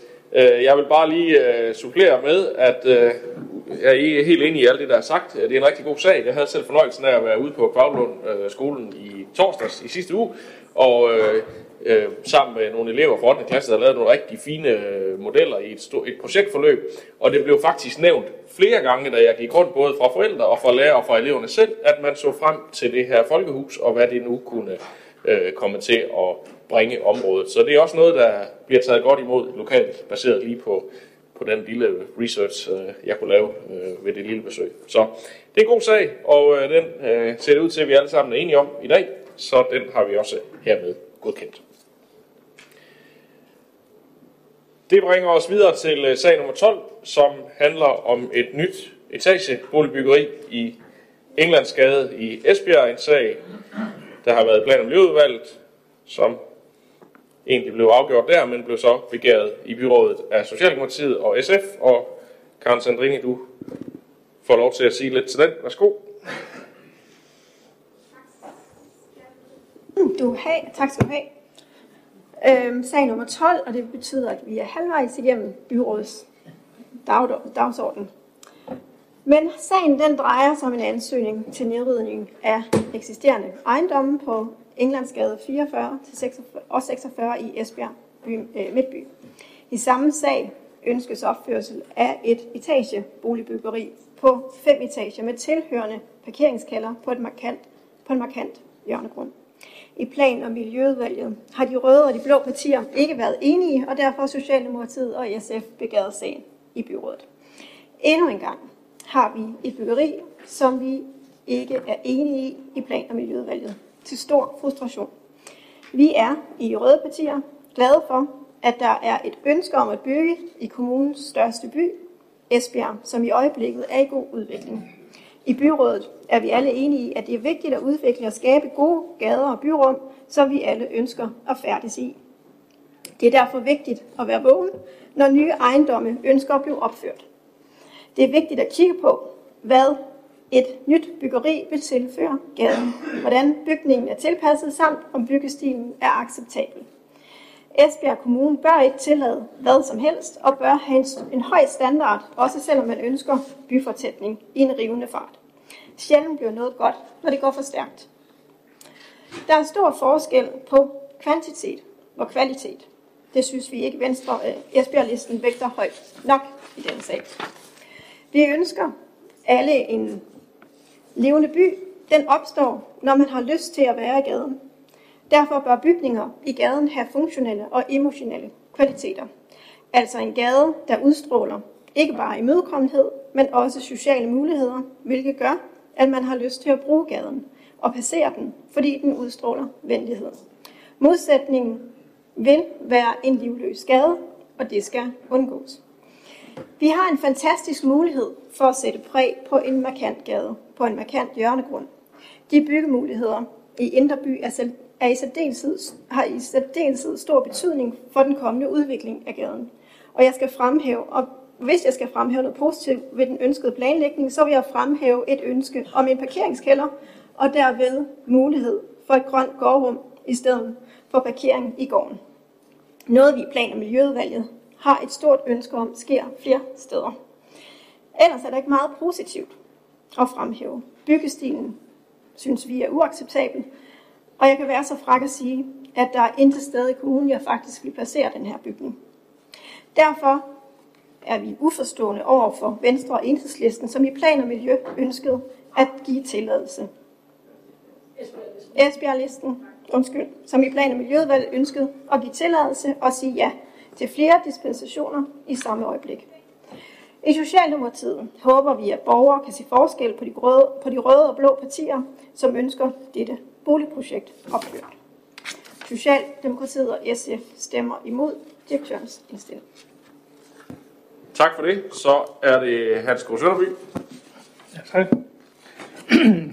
I plan og miljø har den røde side til synligheden valgt at sætte udvalgsdemokratiet ud af kraft.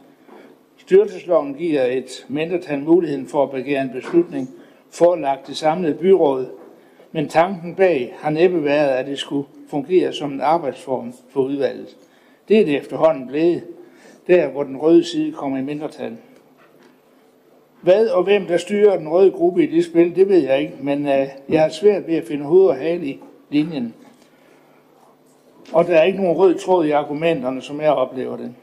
Det er nemmere at få øje på uheldige konsekvenser for investorerne i, det tilfældighed, i dette tilfældighedernes politiske spil, som gør den kommunale byggesagsbehandling unødig langsom og uforudsigelig.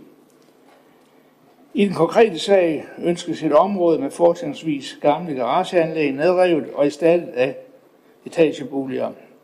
Det kan jeg tilslutte mig.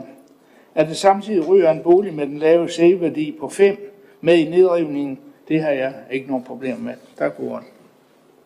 Tak for det. Så er det Jørgen Bosen Andersen.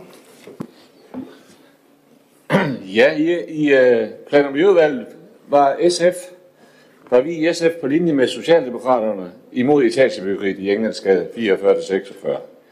Vi er også imod uh, de dispensationer, der kræves for at tillade byggeriet. Og vi håber så her i aften, at der er flere, der er med på vores hold. Og hvorfor ønsker vi så sagen i byrådet? Vil nogen af de blå måske spørge, ja, Sønderby han har jo allerede øh, spurgt her i aften. Men jeg kan sige, Når vi gør det, så er det simpelthen fordi, det er den eneste, vi kan gøre, når vi nu ønsker at modsætte os byggeriet. Der er flere problemstillinger i det. Byggeriet er alt for voldsomt og dominerende, efter vores mening på denne placering. To, der søges forskellige dispensationer, som vi heller ikke er enige i. Bygningshøjde mod gadeskæld på maks 13 meter. Afstanden til nabobygningen skal opføres mindst 5 meter fra nabo. Så er der problemer i øh, opholdszonen, hvor der ikke må opføres bebyggelse. Og endelig skal altanerne mod øh, gadeskæld etableres øh, øh, indeliggende. Og så skal den bevaringsværdige ejendom, øh, øh, der er 100 år gammel, nedrives. Vi synes, der sådan set er rigelige forhold, der gør sig gældende. Vi synes også, at den placering, der her peges på, ikke er i respekt for den bygningskultur, øh, der er i området, og at det slet ikke passer ind i midtbyens DNA. Lokalplanen fastlægger, at der skal udarbejdes en arkitekturstrategi, som skal sikre høj kvalitet og sikre et nyt byggeri skal være en del af fremtidens bebyggelse. Problemet er bare, at arkitekturstrategien, den findes ikke endnu der i hvert fald. Derfor er vi nogen, der må råbe vagt i gevær. Det var ordene i første omgang. Tak for det. Det behøver, at du bøger at forberede flere omgange, tænker jeg, men det er, det er jo, du kan jo selvfølgelig markere igen, hvis du har brug for det. Kurt Bjerg. Yes, tak for det. I planen der stemte vi jo, som I også har sagt, så stemte vi jo for. Venstre stemte for, øh, for den her sag. Og det gjorde vi jo for den betragtning byggeriet øh, med få undtagelser med fire dispensationer. Små dispensationer lever op til lokalplan for området, som jo er en lokalplan, som vi godt nok ikke er helt enige om, og vi måske skal, eller vi nok, så vi skal til at revidere lidt i, men det er en lokalplan, vi har vedtaget her i byrådet. Der er fint redegjort for de der dispensationer i, øh, i sagsfremstillingen, blandt andet det med, med byggeri. Man, man hæver bunden lidt, så det bliver plads til et øh, hvad hedder det, parkeringskælder, som jo er, er et ønske, så vi kan få, få bilerne væk fra gaden. Det er jo det, det er rigtig fint i det. Vi kunne så i avisen læse, at, at SF og S ønsker sagen i byrådet, øh, der byggeriet mangler finesse og kvalitet. Øhm, men der er ikke rigtig noget ord om, hvad man ønsker i stedet. Du snakker øh, nu om kvantitet og kvalitet, øh, og det, det har jeg lidt svært ved ligesom at, at, at forholde mig til, om, om, om, om det ene opvejer det andet. Hvad vil, man, hvad, vil man, hvad vil man have her? Vil man have tårne og spiger på bygningen, eller vil man, vil man have marmorbeklædning for, at det skal have en kvalitet? Det her, det lader bygherre arkitekt i en stor frustration. De udarbejder et projekt, går ind i et samarbejde med den kommunale forvaltning. De tilpasser projektet over en forholdsvis lang periode. Og når man så forventer, når man nu har en fin løsning med den tekniske og, og, og kvalitetsmæssige blå stempling, så ryger de byrådet med den begrundelse, at det mangler kvalitet. Og så ønsker man ikke det her byggeri på grund af, at der skal nedrives en bygning med en meget lav øh, safe-værdi. Hvis vi skal bevare de bygninger, så er der ikke plads til at bygge ret meget. Øh, de har rigtig mange, der har safe-værdi 5. En af begrundelserne er måske også, at den ligger for tæt på en bygning med safe-værdi 3. Men det vil jo gøre, hvis vi skal efterfølge de krav, så bliver det meget, meget vanskeligt at, bygge ret mange steder her.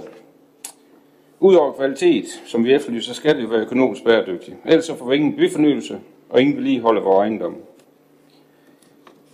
Og det har vi jo heldigvis bygherrer og arkitekter, der gerne vil medvirke til. Men vi må give dem nogle rammer og nogle retningslinjer, de kan operere i. Vi får nævnt, at dette byggeri, der er flere, flere rigtig gode ting. Der er parkering, hvor der faktisk etableres flere parkeringspladser, end der er påkrævet i sådan en byggeri. Og så har de også samtidig fundet plads til i det projekt, de har lavet, at lave et forsinkelsesbassin til regnvand for deres egen uh, matrikel. Det ser vi også som en stor plus. Så vi sagde ja for 14 dage siden, og det uh, gør vi også for Venstre i dag. Tak, så er det Hans Erik Møller.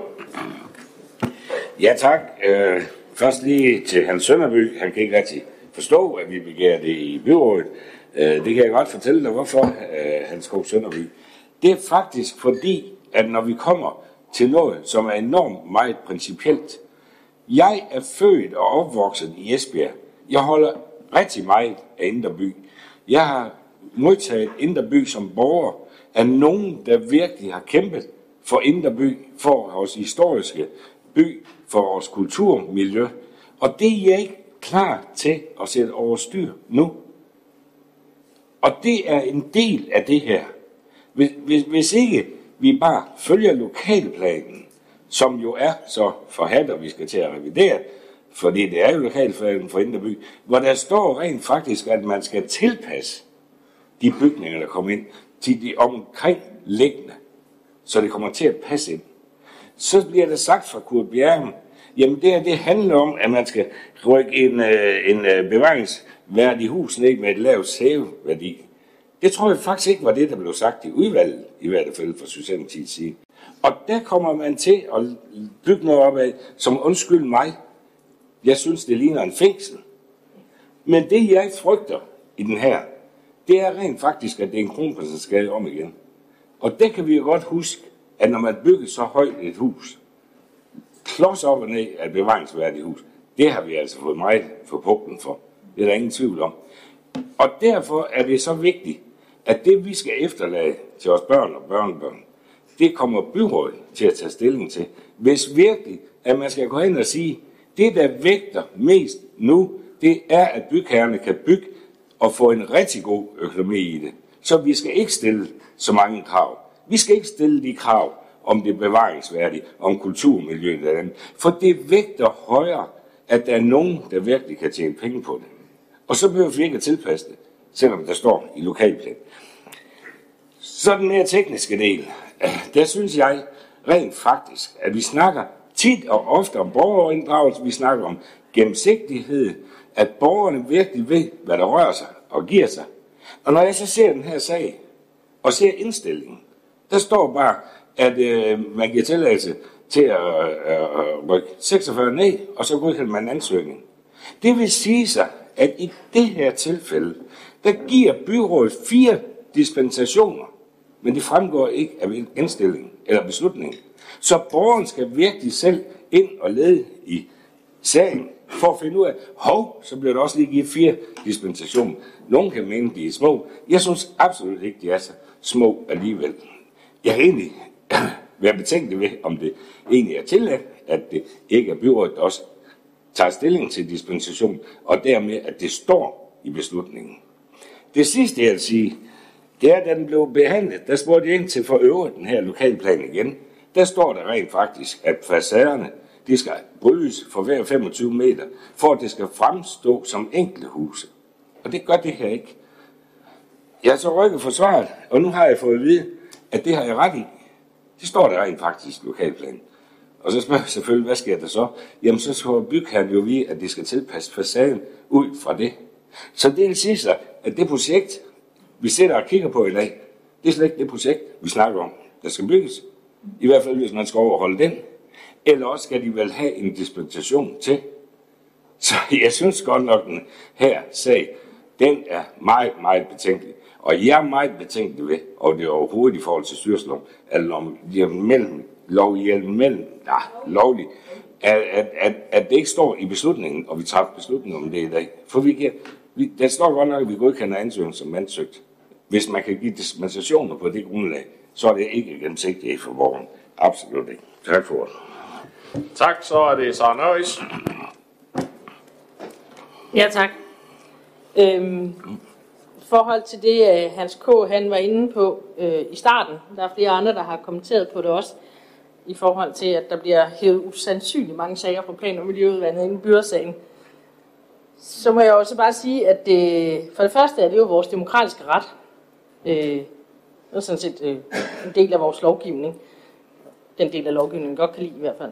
Øh, og, og det hænder jo også i andre udvalg, at man er uenig, og så er dem, der taber en afstemning, så tager man den med videre i, øh, i byrådsalen senere hen. Der er en, en sag senere på dagsordenen med omvendt foretegn end den her, men der tænker jeg, at det er vel stadigvæk i orden, at man gør det, uagtet om man er enig eller uenig. Jeg synes, det er et smukt princip i vores demokrati, at man til hver en tid kan hive en sag i byrådssalen som medlem af byrådet, i og med, at udvalgsmøderne er lukkede.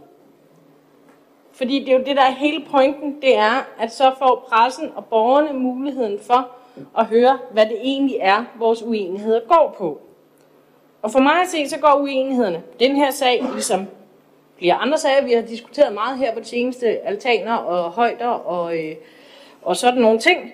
Øh, det går på, at vi er nogen herover, som primært over i den her del af byrådsalen, der mener, at vi skal være meget varsomme med at bare bygge for at bygge. Øh, og ja, så er argumentet fra nogle af jer andre, det er sådan, at det skal også kunne svare sig økonomisk. Ja, men undskyld, så kunne det være, at man bare skulle være. Altså, fordi uanset, at jeg synes, at den her bygning den er frygtelig grim, det er sådan set lige meget, hvad jeg synes. Men jeg tænker, den er også alt for høj i min verden. Så er det alt for højt på det her lille hjørne at sætte fem etager op. Uanset hvor grim den så er. Hvis man nu har lavet noget differentieret højde, så det ikke virker så voldsomt ud imod det grønne område, ud imod Nørregade og sådan noget, har man differentieret højden i bygningen, for eksempel, så kunne vi begynde at snakke om det. Havde man så måske også lige sørget for at tage nogle af de ting, som kendetegner vores trods alt historiske bygninger her i Esbjerg, nogle af de kendetegn, der er ved de bygninger, hvis man havde taget det med ind i udsmykningen af det her, så kunne det også godt være, at jeg kunne have været med. Også selvom vi snakker om at nedrive en bevaringsværdig bygning, for det er trods alt kun en bygning med selvværdi 5. Men når det ligger sådan her, som sådan en klods, så det eneste positive, der er at sige, det er, som Karen også var inde på, det er, at de snakker om parkeringskælder. Tak. Tak for det. Så er det Anne-Marie Greis Andersen. Ja. Og i Radikale, der er vi faktisk, øh, der er vi faktisk mere positive over for den her sag. Øh, særligt, der er vi positive over for det her med, at der laves parkeringskælder, at der bliver mulighed for levende hegn og et grønt gårdmiljø, som Karen også var inde på. Og som Kurt nævnte, så dispenseres der jo, så vidt vi har forstået, blandt andet med henblik på at lave øh, p-kælderen. Men som jeg forstår det, så er det jo ikke mindst udseendet, som øh, Socialdemokratiet er, eller har betænkeligheder ved og utilfredse med. Øh, og hvis det er korrekt, så er jeg også stadig lidt mere nysgerrig på, hvordan man så havde ønsket sig, at bygningen skulle have set ud. Og det er jeg, fordi jeg tænker umiddelbart, at det må være rigtig svært for, øhm, ja, for vores bygherre at gætte sig til det i de her sager. Øhm, og vi har ikke lyst til i Radikale Venstre at skulle være øh, smagsdommer på det område. Det føler jeg lidt, at jeg bliver i det her.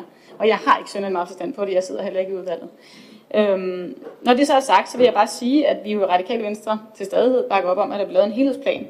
Netop med det formål, at det bliver mere gennemsigtigt for vores bygherre, Øh, og sådan så vi ikke skal sidde her og være det, jeg oplever som smagsdommer. Øhm, og så vil jeg bare høre, om vi får et svar på Hans Eriks øh, forspørgsel om det med lovhjelmen. Det synes jeg kunne være meget rart lige at få afklaret, om der er noget der. Tak for det. Så er det Jakob Lose. Jamen, øh, nu var der jo en øh, her i salen, som der rent faktisk tog ordet i sin mund i forhold til det her med, med smagsdommeri, fordi det mener jeg sådan set også, at øh, den sag her, den er et, et rigtig godt udtryk for. Øh, grunden til, at jeg lige markerede, det var sådan set dig, så, som der jo øh, hvad det, siger, at øh, hvis de her forskellige projekter de skal være økonomisk rentable, så er det måske bare bedre, at man lader være med at lave noget som helst ført sådan lidt til ekstremerne, så det du siger, det er jo sådan set, at vi bare skal lade vores bymiddag være, som den er i dag. Altså jeg synes faktisk personligt, at det hjørne dernede, det er ikke nogen sådan, uh, et prangende sted i vores kommune i dag. Her kommer der rent faktisk en, øh, en bygherre, som der har nogle gode idéer, som der så får besked på. Ja, men uh, det, øh, det synes vi ikke er pænt. Karen, du sagde jo sådan set, at den her bygning er så grim, at den ikke har noget sted at være i vores kommune. Det synes jeg faktisk ikke er særlig pænt at kommunikere til øh, folk, som der gerne vil vores øh, by og vores kommune det godt. Så øh, jeg synes, at det vil være befriende, hvis at man i Rød Blok egentlig bare siger det, som det er, at fremover, der skal man som bygherre den her kommune her, udover selvfølgelig, man skal opfylde de forskellige formelle regler, som der er i lokalplaner og lignende, øh, modtage øh, for god forskellige sparring fra vores øh, forvaltning, tilpasse sine projekter, så skal man altså også lige en tur forbi Spagspolitiet i Socialdemokraterne, SF og Enhedslisten. Det synes jeg er rigtig ærgerligt, hvis det er den vej, vi går.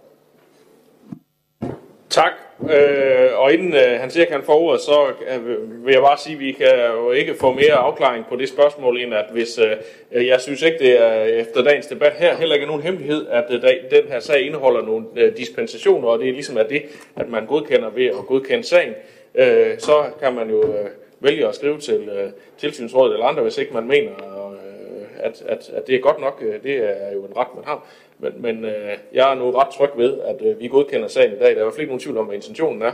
Øh, og, øh, og så, øh, hvis øh, den praksis, øh, vi, øh, vi udfører øh, her, øh, ikke øh, er øh, i overensstemmelse med det, der bør gøre, så må vi jo øh, sikre, at øh, indstillingerne er mere udførlige fremover. Men øh, det vælger jeg nu at tro på, at, øh, at, øh, at den er øh, overholdt, som den er. Vi øh, giver ordet videre. Hans Erik Møller, næste. Ja, tak. Øh, nu sagde Anne-Maria Geisler, at øh, det kun er udseende øh, på, på bygningen. Og den kan man have jo sin del mening om, det kan jeg høre, man også har herinde, men, men, men det synes jeg nu ikke, det var lige præcis det, vi sagde. Vi sagde faktisk, at øh, der står i lokalplanen, at man skal tilpasse bygningerne til omgivelserne. Og, og, og det synes jeg er utrolig vigtigt, og der nævnte jeg så 42, som jeg synes jeg har en høj sæveværdi, og man så bygger sådan en stor en op. Det kalder jeg altså ikke at tilpasse. Øh, det må jeg godt nok sige. Og, og, og til jer vil jeg sige, jeg er stolt af, at der tidligere har været nogle byråd, der tør stå ved de krav, de stiller til det, der skal ske af byggeri i blandt andet Indre By. Det har man også gjort i Ribe og alle mulige andre steder. Og ikke siger, det kan godt være, at det står der, men vi tager mere hensyn til bygherrens økonomi, for det skal være rentabelt. Hvis det gamle byråd i tiderne havde sagt det, så havde vi haft en elendig, møg, kælig indre by. Så det, det, det, det skal bare siges, det er jeg rigtig, rigtig meget stolt af. Og jeg synes, det vil være enormt synd at opføre en bygning her, der absolut ikke passer ind. Og det er ikke noget med smagsdommeri. Det er kun et spørgsmål om, at vi fortæller de bygherrer og deres arkitekter, at vi mener det seriøst, når det skal indpasse. Tak for Tak for det. Så er det Søren Ørriks. Jamen, det var sjovt nok til Jakob der, der lige fik mig, fik mig op at stå igen her. Øhm, fordi jeg vil godt give dig ret i så langt, at det, det hjørne dernede, som det ser ud i dag, det er absolut heller ikke det smukkeste, vi har i kommunen. Det er jeg helt med på. Men det behøver ikke fortsætte med så at være et ikke smukt sted, hvis man vælger at bygge noget. Jeg kan simpelthen ikke forstå, og det er jo der forskellen virkelig kommer til udtryk på os to og nogle af jer andre, at, at det er alene private bygherrer, der skal have lov til at diktere, hvordan vores by skal udvikle sig. Rent øh, visuelt. Og det er jo det, der sker. Fordi hvis de kommer og siger, det er ikke rentabelt på andre måder end det her, okay, jamen så skal I da have lov til det. Og det, altså, meget forsimplet, det er jeg helt med på, men det er sådan, det opfattes ude i byen. Det er sådan, det opfattes faktisk også af mig nogle gange. Jeg synes faktisk, det er enormt træls efterhånden det ved med at have de her debatter om, det så den ene eller den anden bygning. Det er sådan set hip som hap, fordi det er jo nøjagtigt det samme, vi diskuterer hver evig eneste gang. Øh, så enten synes jeg, at vi skal blive enige om, at så er vi bare uenige, og så er der ingen grund til at blive ved med at diskutere det et eller andet sted, så skal vi bare stemme om det fra starten af, fordi sådan er det jo. Eller også så skulle vi sætte os ned og så reelt få nogle ordentlige retningslinjer på plads, som bygherrerne også kan arbejde efter, som rent faktisk giver mening for bygherrerne, både i forhold til det æstetiske, i forhold til det visuelle, i forhold til det grønne, i forhold til parkeringspladser under jorden, i forhold til 700 ting. Det kunne være super fedt, hvis vi kunne blive enige om det. Og det tror jeg faktisk, der er en mulighed for. Tak, så er det Jørgen Snedgaard. Ah, men også lige en kommentar til dig, Jacob Lose, fordi jeg synes jo, at når du lige frem tager ordet smagspolitik over for Socialdemokratiet, så synes jeg simpelthen, at det er alt for skingert. Det vi gør opmærksom på her, det er stilfærdigt at gøre opmærksom på, at det her, der taler om et byggeri, som slet, slet ikke er ordentligt tilpasset øh, de huse, der ligger opad. Og det kunne gøres på rigtig, rigtig mange andre måder, som vi også har gjort det tidligere. Så jeg vil bare sige, at når man så kommer til udtryk for, at skal være noget, der er skingert, og siger noget så skingert, som at Socialdemokratiet har i smagspolitik, så er det måske fordi, man dybest set selv har en dårlig sag, når det er nødvendigt.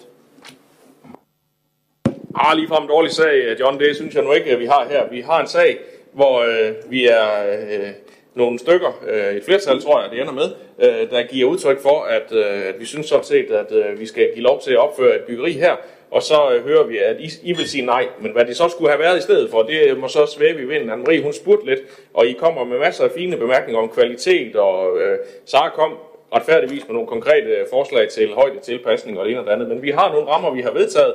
Det kan godt være, at, øh, at de ændrer sig på et tidspunkt, men indtil vi ændrer dem, så er det ligesom dem, der gælder. Og den her, den lever stort set op til det. Der er nogle små dispensationer, som der også er blevet sagt, øh, og det er jo ikke, øh, hører jeg sådan nødvendigvis dem, som I er uenige i, men, men i det hele taget, at byggeriet øh, ser ud, som det gør, og, og hensynet til nabobygningerne. Jeg tror ikke, vi skal gentage de ting, der er sagt. Jeg tror, jeg øh, rammer det sådan nogenlunde det.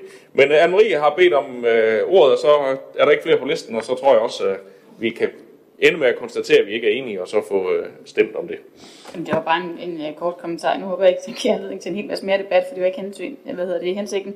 Men det er bare, at vi burde jo et eller andet sted have nogle, nogle regler og rammer, så forvaltningen i højere grad kan redegøre for disse, så vi ikke behøver at have alle de her sager i, i byrådet. Og hvis vi gerne vil definere udseendet, det kan der jo godt være et politisk ønske om i højere grad at gøre, så kunne en vej at gå måske være, at vi havde en vejledning med nogle eksempler, som bygherre kan forholde sig til, kan kigge på, kan tage udgangspunkt i.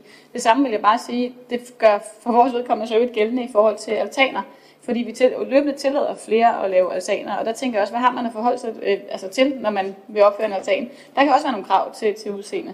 Øh, og, og det kan vi jo godt sige som på politisk niveau, det vil vi gerne mere ind over, men det kræver bare, at vi gør det tydeligt. Kan jeg se, Jørgen, man gerne have, at jeg stopper, og det skal jeg nok gøre. Det var bare den tilføjelse, jeg gerne ville have med. Og det kan jeg lige et par stykker, mere på tallisten. Jeg håber at vi kan, vi kan holde med det, for vi har flere sager på dagsordenen, men, men lige en enkelt kommentar herfra til, at at det er rigtig god intention at lave nogle øh, vejledninger, men hvis ikke vi er enige om dem, så ender det jo alligevel med, at vi kommer til at debattere sagerne i byrådet, som, som øh, vi jo gør i det her tilfælde. Connie Geisler. Ja, jeg sidder jo ikke i plan og miljø, og egentlig skulle jeg måske slet ikke sige noget hertil, men det kan jeg simpelthen ikke lade være med, for hvor er jeg lykkelig for, at vi har nogen siddende herovre fra vores side i plan og miljø, som råber vagt i gevær. Jeg tænker lige umiddelbart retningslinjer, som Sara lægger op til, det haster helt vildt. Vi har jo allerede set nogle steder, hvor vi har ødelagt byen, og nu kommer der sådan en koloss her, som ikke noget med smagsdommeri, men hvor det bare overhovedet ikke passer nogen steder ind på det område. Hvor er det bare ærgerligt. Og jeg kan sige, os der kommer ofte i byen og bor i Esbjerg, der tænker jeg bare, det vil, jeg bor godt nok i udkanten, men jeg kommer rigtig meget herind. Og jeg tænker bare, hvor jeg kan bare være så glad for at se de flotte huse, der er der, øh, som har historie. Men den her kommer aldrig til at have en historie, udover at den passer bare ikke i området. Og hvor er det ærgerligt, og hvor er det godt, at nogle af jer, der bor ude i områderne, ikke bliver udsat for det samme. Det er så ærgerligt for Esbjerg by. Tak. Kurt Bjørn. Ja, tak. Jeg må så beklage. Øh, jeg bor ikke i Esbjerg, og der er før blevet skudt i skolen, så skal vi lade være med at blande os i, hvad der skal ske i Esbjerg. Men vi sidder nu gang i et udvalg, hvor vi skal være med til at beslutte det. Så, så jeg, jeg føler faktisk, eh, især Connie, at du ligesom siger, at når vi ikke bor, så kan vi jo ikke eh, tage stilling til, hvordan det skal se ud. Og det synes jeg faktisk ikke, det er særlig pænt at komme med de øh, beskyldninger om, vi ikke ved, hvad, hvad, vi, hvad der er godt og skidt herinde. At, at bygningen her er så grim, at den ikke kan være nogen sted, det synes jeg, det er en udtalelse, der står sådan lidt, lidt barsk. Og så, så jeg vil bare sige, jeg beklager sgu, at jeg ikke bor hernede, øh, men derfor vil jeg gerne stadigvæk tage stilling. Og Marie, du siger det der med nogle, nogle retningslinjer. Der er, jo, der er lavet en lokalplan, som vi har vedtaget her. Den, den har man at gå efter. Og det med, at den ikke er tilpasset, der har altså været nogle forhandlinger med forvaltningen. Ikke med os, men med det faglige. Kun dem, der har det faglige kendskab til byggeri og byudvikling. Og, og der sidder også der sidder med, med forskellige baggrunde i vores forvaltning. Der har de jo haft den forhandling om tilpasning, så er det godt være, at den ikke er tilpasset til det, nogen gerne vil, men den er tilpasset til det, som vi godt vil. Så det var bare så lige, der er lavet forhandlinger, og det er tilpasset. Tak. Jeg mener om, at vi har en lang dagsorden foran, og jeg tror ikke, vi ændrer nogle synspunkter, uanset hvor langt vi snakker om den her sag. Nu er der tre på dagsordenen øh, på, på tallisten, og så lukker vi den. Hans K. Sønderby. Ja, jeg skal heller ikke gøre det langt, men øh, nu er der blevet sat spørgsmålstegn ved, om der er retningslinjer. Der er retningslinjer, vi er bare, ikke uenige, vi er bare uenige i dem. Det er det, der er problemet. Og øh, der er lokalplaner, der er byggelov og bygningsreglement osv. Så det er ikke det, der er problemet. Det er uenigheden. Tak. Karen Sandrini. Jo, jeg vil bare lige sige, i, for, i forhold til, at der er en lokalplan, og der er, øh, og, og den overholder en masse ting, og der er nogle ting, den ikke overholder, men men når vi laver bygninger, vi har, altså, vi har også bare aftalt, at det er noget, der skal skabe rum. Det er noget, der skal, der skal gøre gaden attraktiv. Og det skal være noget, der, øhm, der tilfører gaden et stort plus. Anden det bare er et volumen af, af, af lejligheder. Det er den ene ting. Den anden ting, det er, at jeg siger, nu, nu nævner jeg lige, hvad jeg siger. I, jeg, jeg siger følgende. Byggestilen er uacceptabel. Og jeg kan være så fræk at sige, at der er intet sted i kommunen, jeg vil se det opført.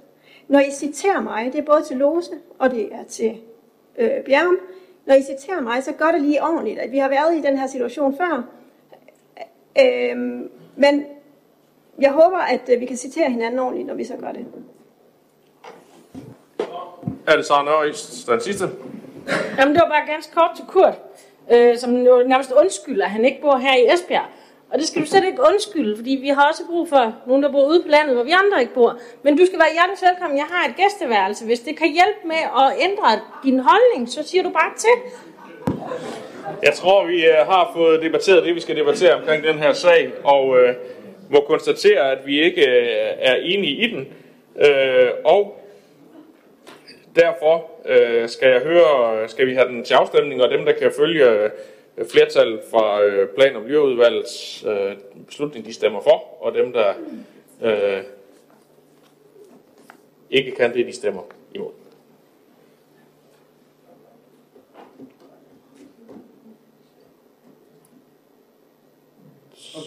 Så mangler vi lige sådan.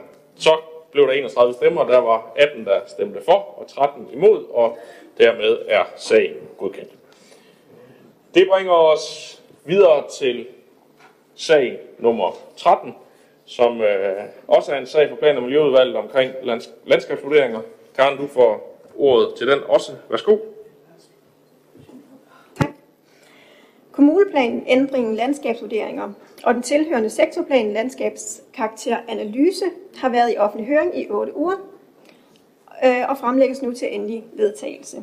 Med kommuneplanændring opdateres afgrænsningen af de beskyttede landskaber. Grundlaget for, de nye afgrænsning, for, øh, for den nye afgrænsning findes i sektorplanen, som indeholder en kortlægning og vurdering af kommunens landskaber. Den beskriver, hvilke landskaber, der er sårbare, og hvilke, der er robuste over for forskellige typer af byggeri og anlæg. Dermed danner sektorplanen også basis for en ensartet og effektiv planlægning og sagsbehandling i det åbne land. Landskabsbeskyttelse er en national interesse, og staten stiller derfor krav om, at en revision af de beskyttede landskaber sker på baggrund af en samlet kortlægning, som den, der er lavet med sektorplanen. I høringsperioden er der kommet tre høringssvar, og der har været afholdt et dialogmøde, et dialogmøde med landbrugets interesseorganisationer. Høringssvarene har givet anledning til mindre sproglige rettelser i sektorplanen. Det er aftalt med landbrugets interesseorganisationer, at vi sammen skal udarbejde et administrationsgrundlag. Det skal præcisere, hvordan sektorplanen skal indgå i sagsbehandling på landbrugsområdet. Det går vi i gang med nu.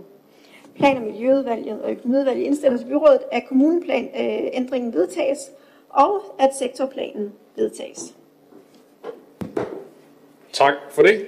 Det er der ikke andre, der har bedt om ordet til, så det ser det ud til, at vi kan gøre uden yderligere.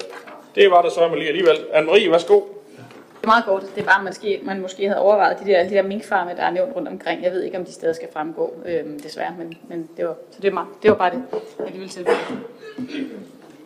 Hvad siger du? Godt. Vi, øh,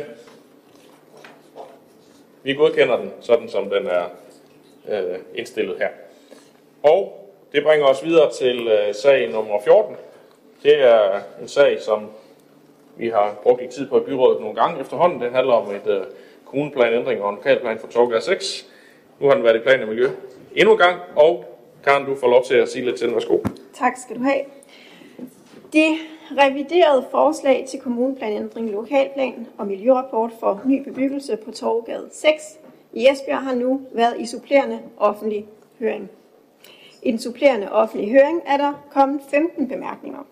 Herunder er der blandt andet en underskriftsindsamling med over 600 underskrivere. Der er desuden også kommet en bemærkning fra Slots- og Kulturstyrelsen, der ikke bakker op om planerne. Mange af bemærkningerne i den supplerende høring er i tråd med de indsigelser, vi modtog i forbindelse med den forrige høring. Planforslagene fremlægges med henblik på endelig vedtagelse.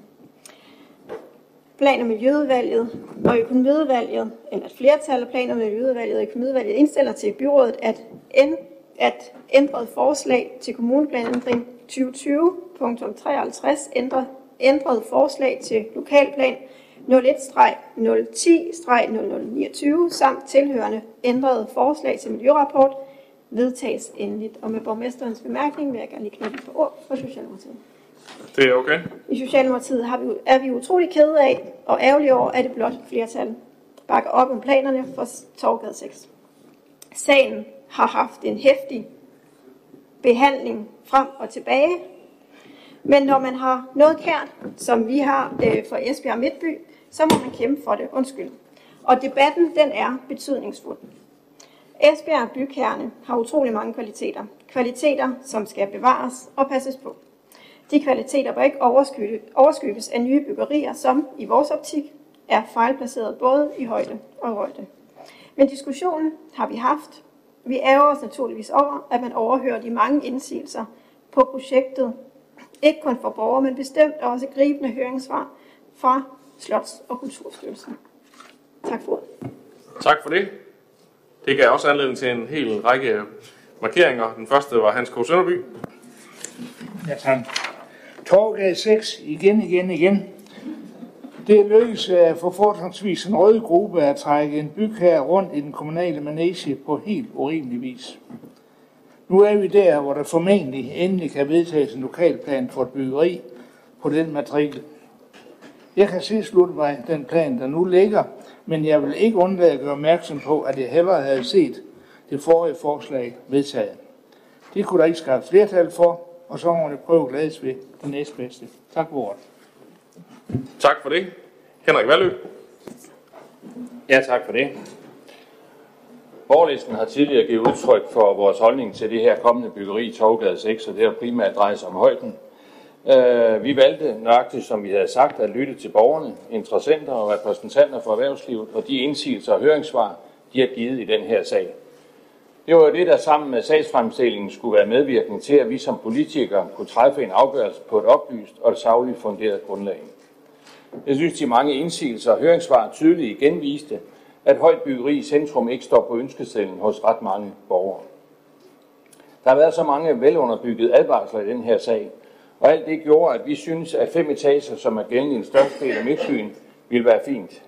Vi kunne dog have strakt os til syv etager, hvis der kunne findes et flertal for det, men det var ikke en mulighed. Der var i stedet et snævert flertal for otte etager, øh, som nu er blevet til ni etager, desværre og rigtig ærgerligt med konservativs hjælp. Og det er til trods for, at tagterrassen, altså den 9. etage, ligger ud over de otte etager, konservativt tidligere kunne strække sig til. Jeg tror måske ikke, øh, konservative helt har været opmærksom på, øh, hvor mange konservative tilhængere, øh, eller måske nu tidligere tilhængere, der var medunderskriver af indsigelser og høringssvar. Så borgernes mening har til syden ikke den helt store indflydelse på, hvad konservative mener i den her sag. I borgerlisten der er vi tilhængere af, at det vi siger, det er også det vi gør. Og så vil vi fortsat rigtig gerne undgå forskelsbehandling. Bygherrer og andre i den her branche bør alle behandles ens. Det har jeg sagt før, det kommer jeg nok også til at sige igen. Tak. Tak for det. Så er det Olfert Gro.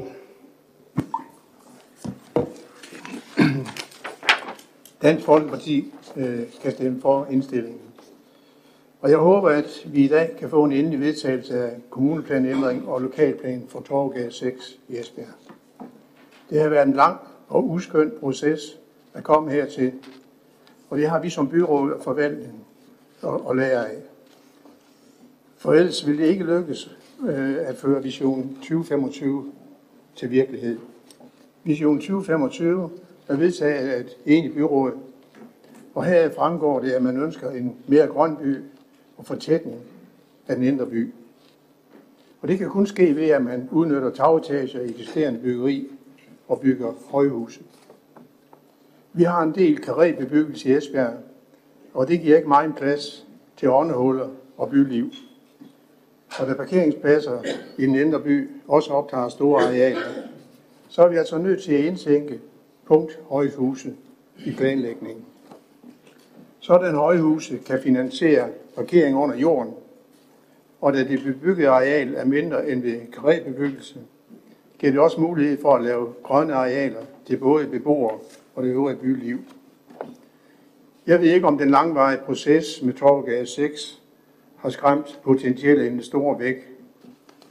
Men hvis der stadig er nogen tilbage, og det håber jeg, for det får Esbjerg Kommune brug for, så er vi nødt til at have en planlægning for området, som både forvaltning og bygherre kan arbejde efter og stole på. En sådan planlægning kræver borgerinddragelse for at sikre at få den byudvikling, borgerne ønsker. Tak. Tak for det. Så er det Henrik Andersen. Ja, tak. En ansøgning og et projekt, som har været lang tid, ja meget lang tid undervejs. Men må vi nu her i aften kan sætte det endelige punktum for kommuneplanændring og lokalplanforslag for Torvgade 6. Ansøgningen har været i offentlig høring i to omgange. Først i 10 uger med et projekt på 12 etage, og 19. april her i år blev et revideret projekt sendt i fornyet fire års høring. Nemlig det, vi forhåbentlig siger ja til nu her om lidt. Et byggeri på 8 etager plus en tagterrasse.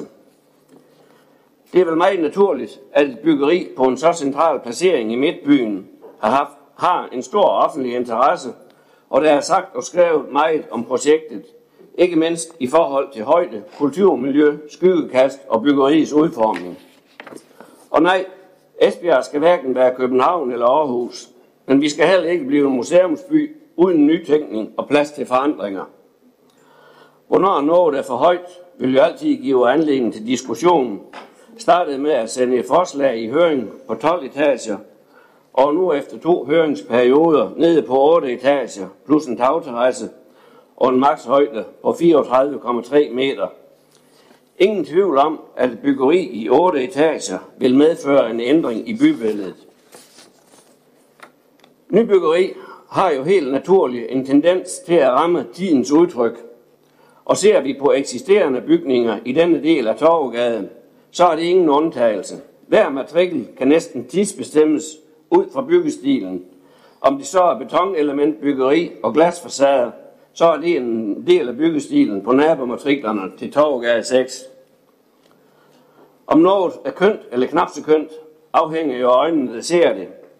Jeg hæfter mig dog ved, at den socialdemokratiske udvalg, formand for plan og miljø, har udtalt til pressen, nu håber jeg, at jeg citerer rigtigt, det er jo et flot byggeri, men i samme forbindelse ikke overraskende sagde, blot på det forkerte sted, men dog en anerkendelse af selve byggeriet. Vi ser det jo ofte, at der er stor modstand mod nye projekter og tiltag, men når endelig et byggeri er færdiggjort, bliver opfattelsen ofte en anden. Et meget godt eksempel er jo musikhuset, kun nogle meter fra Torvegade 6. Vi kan her fra Venstre støtte forvaltningens indstilling om det ændrede forslag vedtages endeligt. Tak.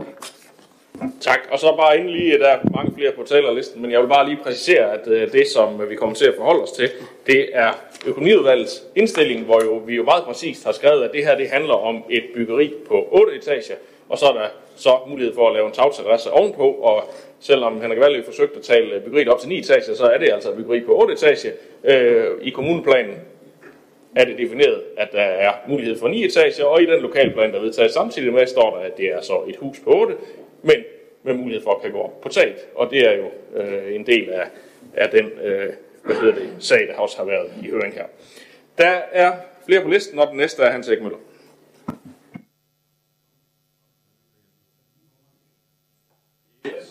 Ja, altså Hans K.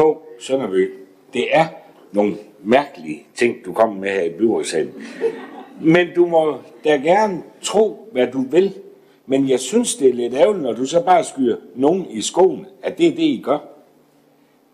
I har trukket nogen en byg her rundt i Manesien. Nej, det har vi absolut ikke. Men vi har kæmpet for, at vi ikke vil være med til at lave uoprettelig skade i Esbjerg Midtby.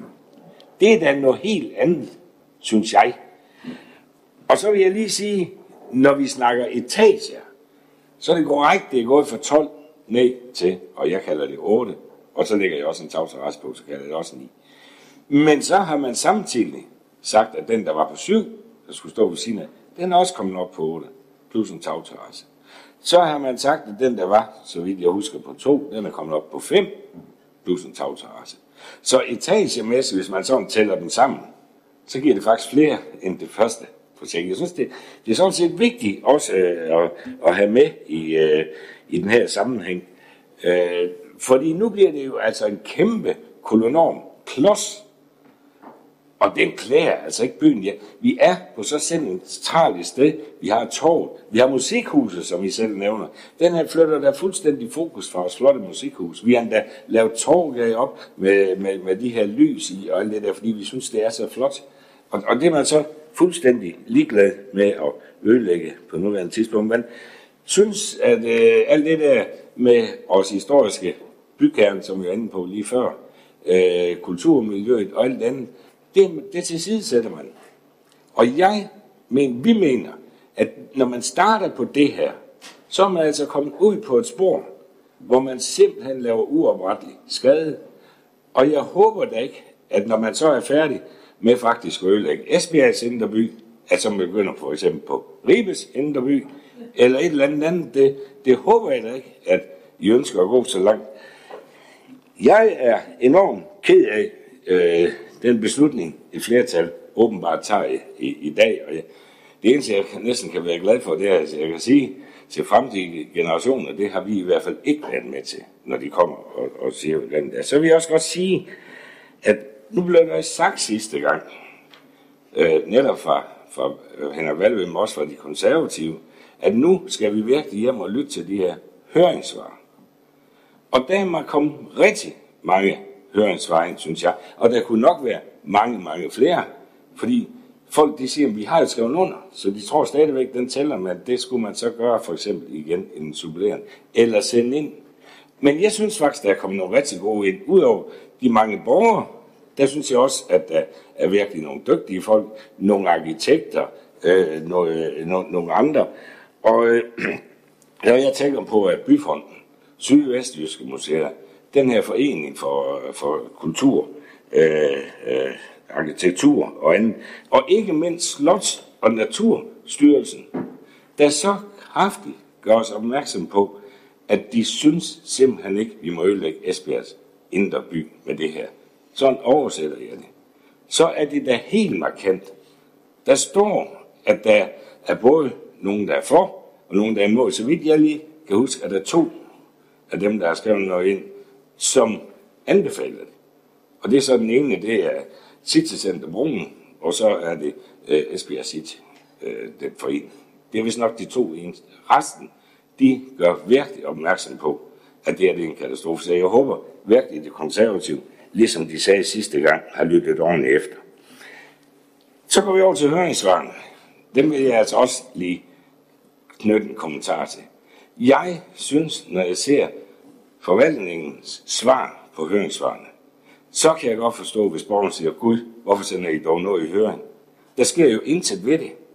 Altså, når jeg læser forvaltningens vurderinger, og det kan man jo selv sige, når de vurderer, eller ikke væsentligt, eller et eller andet, det kan man jo definere, hvad man mener med, hvad betyder ikke væsentligt. Der kan vi godt have forskel. Men mange steder synes jeg, at man rent faktisk ikke svarer. Der ændres intet i forbindelse med det.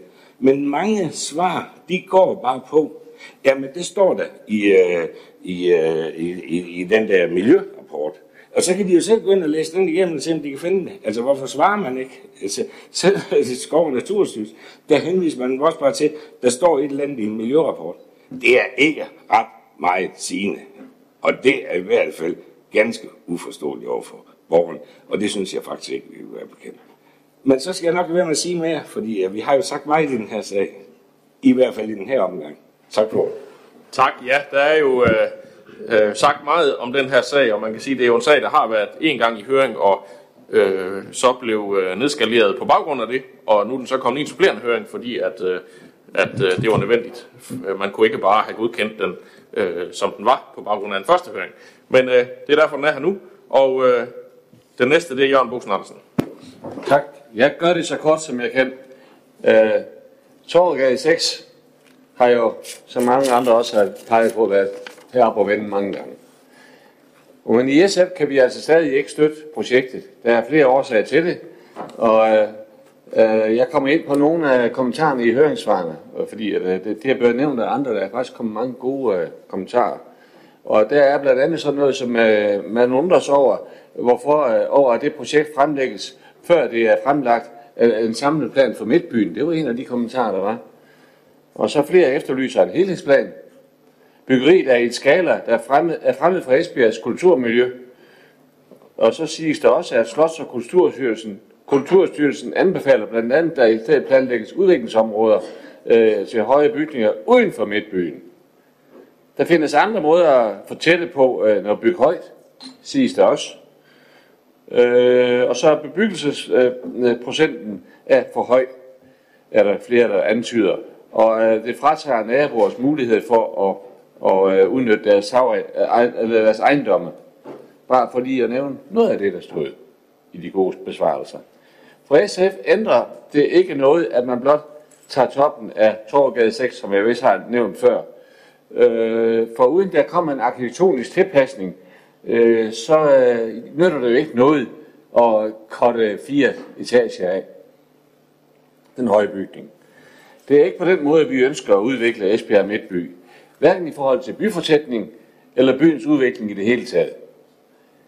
Vi vil have flere grønne pladser ind i byen. Altså det modsatte faktisk. Det kunne man i første omgang prioritere ved at placere øh, dem på de kommunalt ejede områder, hvor der i dag er plads til med P-pladser. Dem er der i øvrigt mange af i hele Midtbyen. Tag de mange gårdområder, hvor der også er fyldt med P-pladser. Der er plads til store forbedringer, og flere P-pladser skal graves ned. Vi skal værne om det menneskelige bymiljø og nedtone investorernes behov for at bygge store kolosser, uden hensyn til opholdspladser og grønne frirum. Akkurat som det vi hørte om i Englandsgade også. I PMU, i Plan- og Miljøudvalget, er vi i sidste uge begyndt at kigge kritisk på lokalplanen for Midtbyen. Det vil vi arbejde videre for, og øh, jeg tror, der kommer noget godt ud af det. Øh, for, øh, den nuværende lokalplan, den skal gås efter i sømne, og i det mindste blive revideret. Og vi havde allerede øh, det første møde om det i dag i Plan- og Miljøudvalget, hvor vi blev præsenteret for en køreplan, som vi skal have fat på efter sommerferien. Og i SF er det vores store øh, håb og fortrøstning, at vi nok skal komme overens med noget, som vi forhåbentlig, så vi ikke behøver alle de her seancer i byrådsalen, så vi får en mere helhed i det. Vi ønsker gerne Esbjerg Midtby udviklet med flere boliger, men de skal passes ind i bybilledet. Og som sagt flere grønne områder med ophold i det fri. På den måde opnås den, gode, øh, opnås den gode by, byfortætning. Og ikke kun med hus og ejendom, men også med mere plads og liv i gaden. For det er faktisk lige så vigtigt som øh, selve byggeriet, at der skabes liv i Esbjerg bymidte. Og det er altså nogle af grundene til, at vi stemmer imod den her lokalplan. Tak for det. Så Nøjes. Ja, tak. Øhm, jeg vil sådan helt personligt sagtens kunne stå på mål for tillade byggeri, som et stort antal borgere var imod, så længe jeg var overbevist om, sådan helt inderst inden, at det var det rigtige for byen og det rigtige for området. Og det kan jeg forstå, at jeg er over i Blå Blok, I er helt overbevist om. I er i hvert fald meget faste i troen. Og det er helt fair. Men at man så samtidig fuldstændig tilsidesætter Slots- og Kulturstyrelsen, Sydvestiske Museer og rigtig, rigtig mange andre, der forsøger at beskytte Esbjergs kulturarv, så synes jeg faktisk, man er på galt spor. Fordi hvem er det så, I lytter til? I lytter jo i hvert fald ikke til alle dem, der har givet at skrive et høringssvar. I har ikke lyttet til nogen af dem i den her omgang, og I har sådan set heller ikke lyttet rigtigt til dem i sidste omgang. Mere behøver jeg ikke sige om den sag, tænker jeg. Det ender som det plejer. Tak for det. Karen Sandrine. Jamen, jeg vil bare sige, at jeg er rigtig glad for, at du, øh, du tog netop det citat, øh, Henrik. Fordi jeg håber, at det viser borgerne, at øh, vi, vi komplementerer gerne, og det gør vi ofte. Øh, men der er nogle gange, hvor vi bare ikke kan være med. Øh, og der er nogle gange, hvor, øh, altså selvfølgelig, i forhold til Torgade 6, så vil vi til hver en tid sige, at det er en forkert placering, men byggeriet er rigtig flot, og man har gjort meget for, for detaljen. Øhm, og det, øhm, men det kan tilpasses meget bedre et andet sted. Øhm, måske engang så langt derfra. Øhm, men, øhm, og ellers så vil jeg sige, at, øhm, at debatten, ja, den har, den har kørt i lang tid, øh, og, øh, og det har virkelig været en snibbold, der bare har formeret sig, og, eller gjort sig større og større og større, men diskussionen vil jeg aldrig nogensinde have været for uden, fordi at det er så betydningsfuldt. Og det kan vi også se på de mange, der deltager i, i debatten, at, øh, at det betyder noget, at vi passer på vores by. Øh, jeg kan da anbefale, at man går på Facebook og følger øh, den side, der hedder Arkitektur oprørt øh, som viser fejlbygninger, havde jeg sagt, og, øh, og når nogen de virkelig bygger med kvalitet. Det er bare en opfordring. Tak for det. Så er det mig, Britt André Andersen. Jamen, jeg vil egentlig gøre det kort, fordi jeg har jo egentlig også tidligere sagt, hvad vi mener om den her sag. Så vil jeg egentlig påpege, at de her indsigelser, der jo kommer nu, de er primært på højden, hvor vi jo har lagt et kompromis øh, omkring den del. Det går jo ikke så meget på tagterrassen, og som borgmesteren meget korrekt øh, påpeger, så er det jo også derfor, vi i økonomiudvalget i de blå partier, vi øh, påpegede, at det jo selvfølgelig er de otte etager, det handler om, øh, plus en tagterrasse.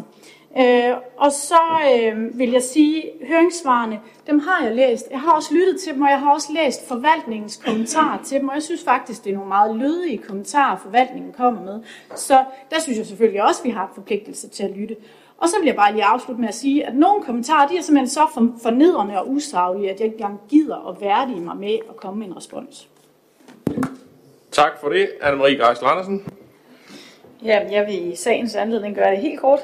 Øhm, I radikale venstre, der stemmer vi stadig imod. Jeg synes faktisk helt personligt, at det er et flot byggeri.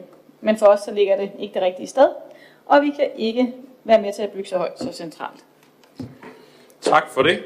Så er det Hans Erik Møller, der er den sidste på talelisten. Ja, tak. Øh, og det er sådan set uh, Michael Andrea, der lige uh, får mig op, fordi uh, vi læser det i hvert fald helt forkert, uh, eller vi, vi læser det i hvert fald ikke helt, for jeg synes faktisk, at mange af høringsvarene her gang ikke går så meget på højden. Øh, det, det kan jeg så se, at, øh, eller høre, at du synes, de gør. Det synes jeg absolut ikke, de gør. For eksempel fra Slots og øh, Kulturstyrelsen, øh, der, der, der går man da meget klar opmærksom på, at det gør man også mange andre steder fra. Og der er også mange, der foreslår, at vi skal droppe det helt og lave forsøg på at lave en helhedsplan, og så komme i gang. Så, så, så det forstår jeg slet slet ikke. Men jeg synes det igen, når jeg læser høringsvejen, så kan jeg altså ikke finde nogen borger, der har lavet en høringssvar, der skulle være så ubehagelig, eller hvad det var, du ville sige, at du ikke engang vil nedværde dig til at læse den. Det synes jeg godt nok er en hånd mod dem. Var det ikke sådan, du sagde det, så må du korrigere præcis, hvad det var, du sagde. Fordi det rystede mig lidt. Så skal jeg ikke sige mere. Ah, det tror jeg, du læste lidt forkert, men det kan jeg meget selv, eller opfattet lidt forkert, det kan hun selv uh, sige, at hun har markeret. Men næste er Nina Joken. Ja, kender holdningen, men det er mere et spørgsmål til Kurt, fordi, og Venstre. Fordi i fredags, der var det omkring øh, Jedsted Mølle, der kommer en udtalelse. 97 høringssvar. Hold da op. Tænk, hvis de alle var negative, så havde vi et problem. Men langt de fleste er faktisk positive. Så er det, jeg spørger, har man ikke et problem, hvis man ikke hører på de svar, der ikke lige passer ind i jeres kop te omkring bygningen? Det synes jeg ikke passer ind i blå blok og negligerer så mange høringssvar, som der er imod det byggeri. Det var min kommentar. Tak for det. Så er det mig, Britt. Ja, det har du da helt forkert fat i, øh, Hans Erik. Øh, men jeg vil da gerne øh, uddybe det med, at det var til en kollega her i byrådssalen. Og jeg tror, vi bare skal runde sagen af her. Der er lyttet til høringssvar, og de bliver vægtet, og de bliver vurderet, og Øh, vi har draget forskellige konklusioner ud fra dem, og, og øh, jeg tror ikke, vi bliver enige, uanset hvor længe vi debatterer den her sag heller ikke. Øh, vi har øvrigt prøvet mange gange øh, at debattere den, men øh, nu øh, skal vi forholde os til økonomiudvalgets indstilling her, og hvis man kan støtte den, så stemmer man for, og hvis man ikke kan, ja, så er der to andre muligheder.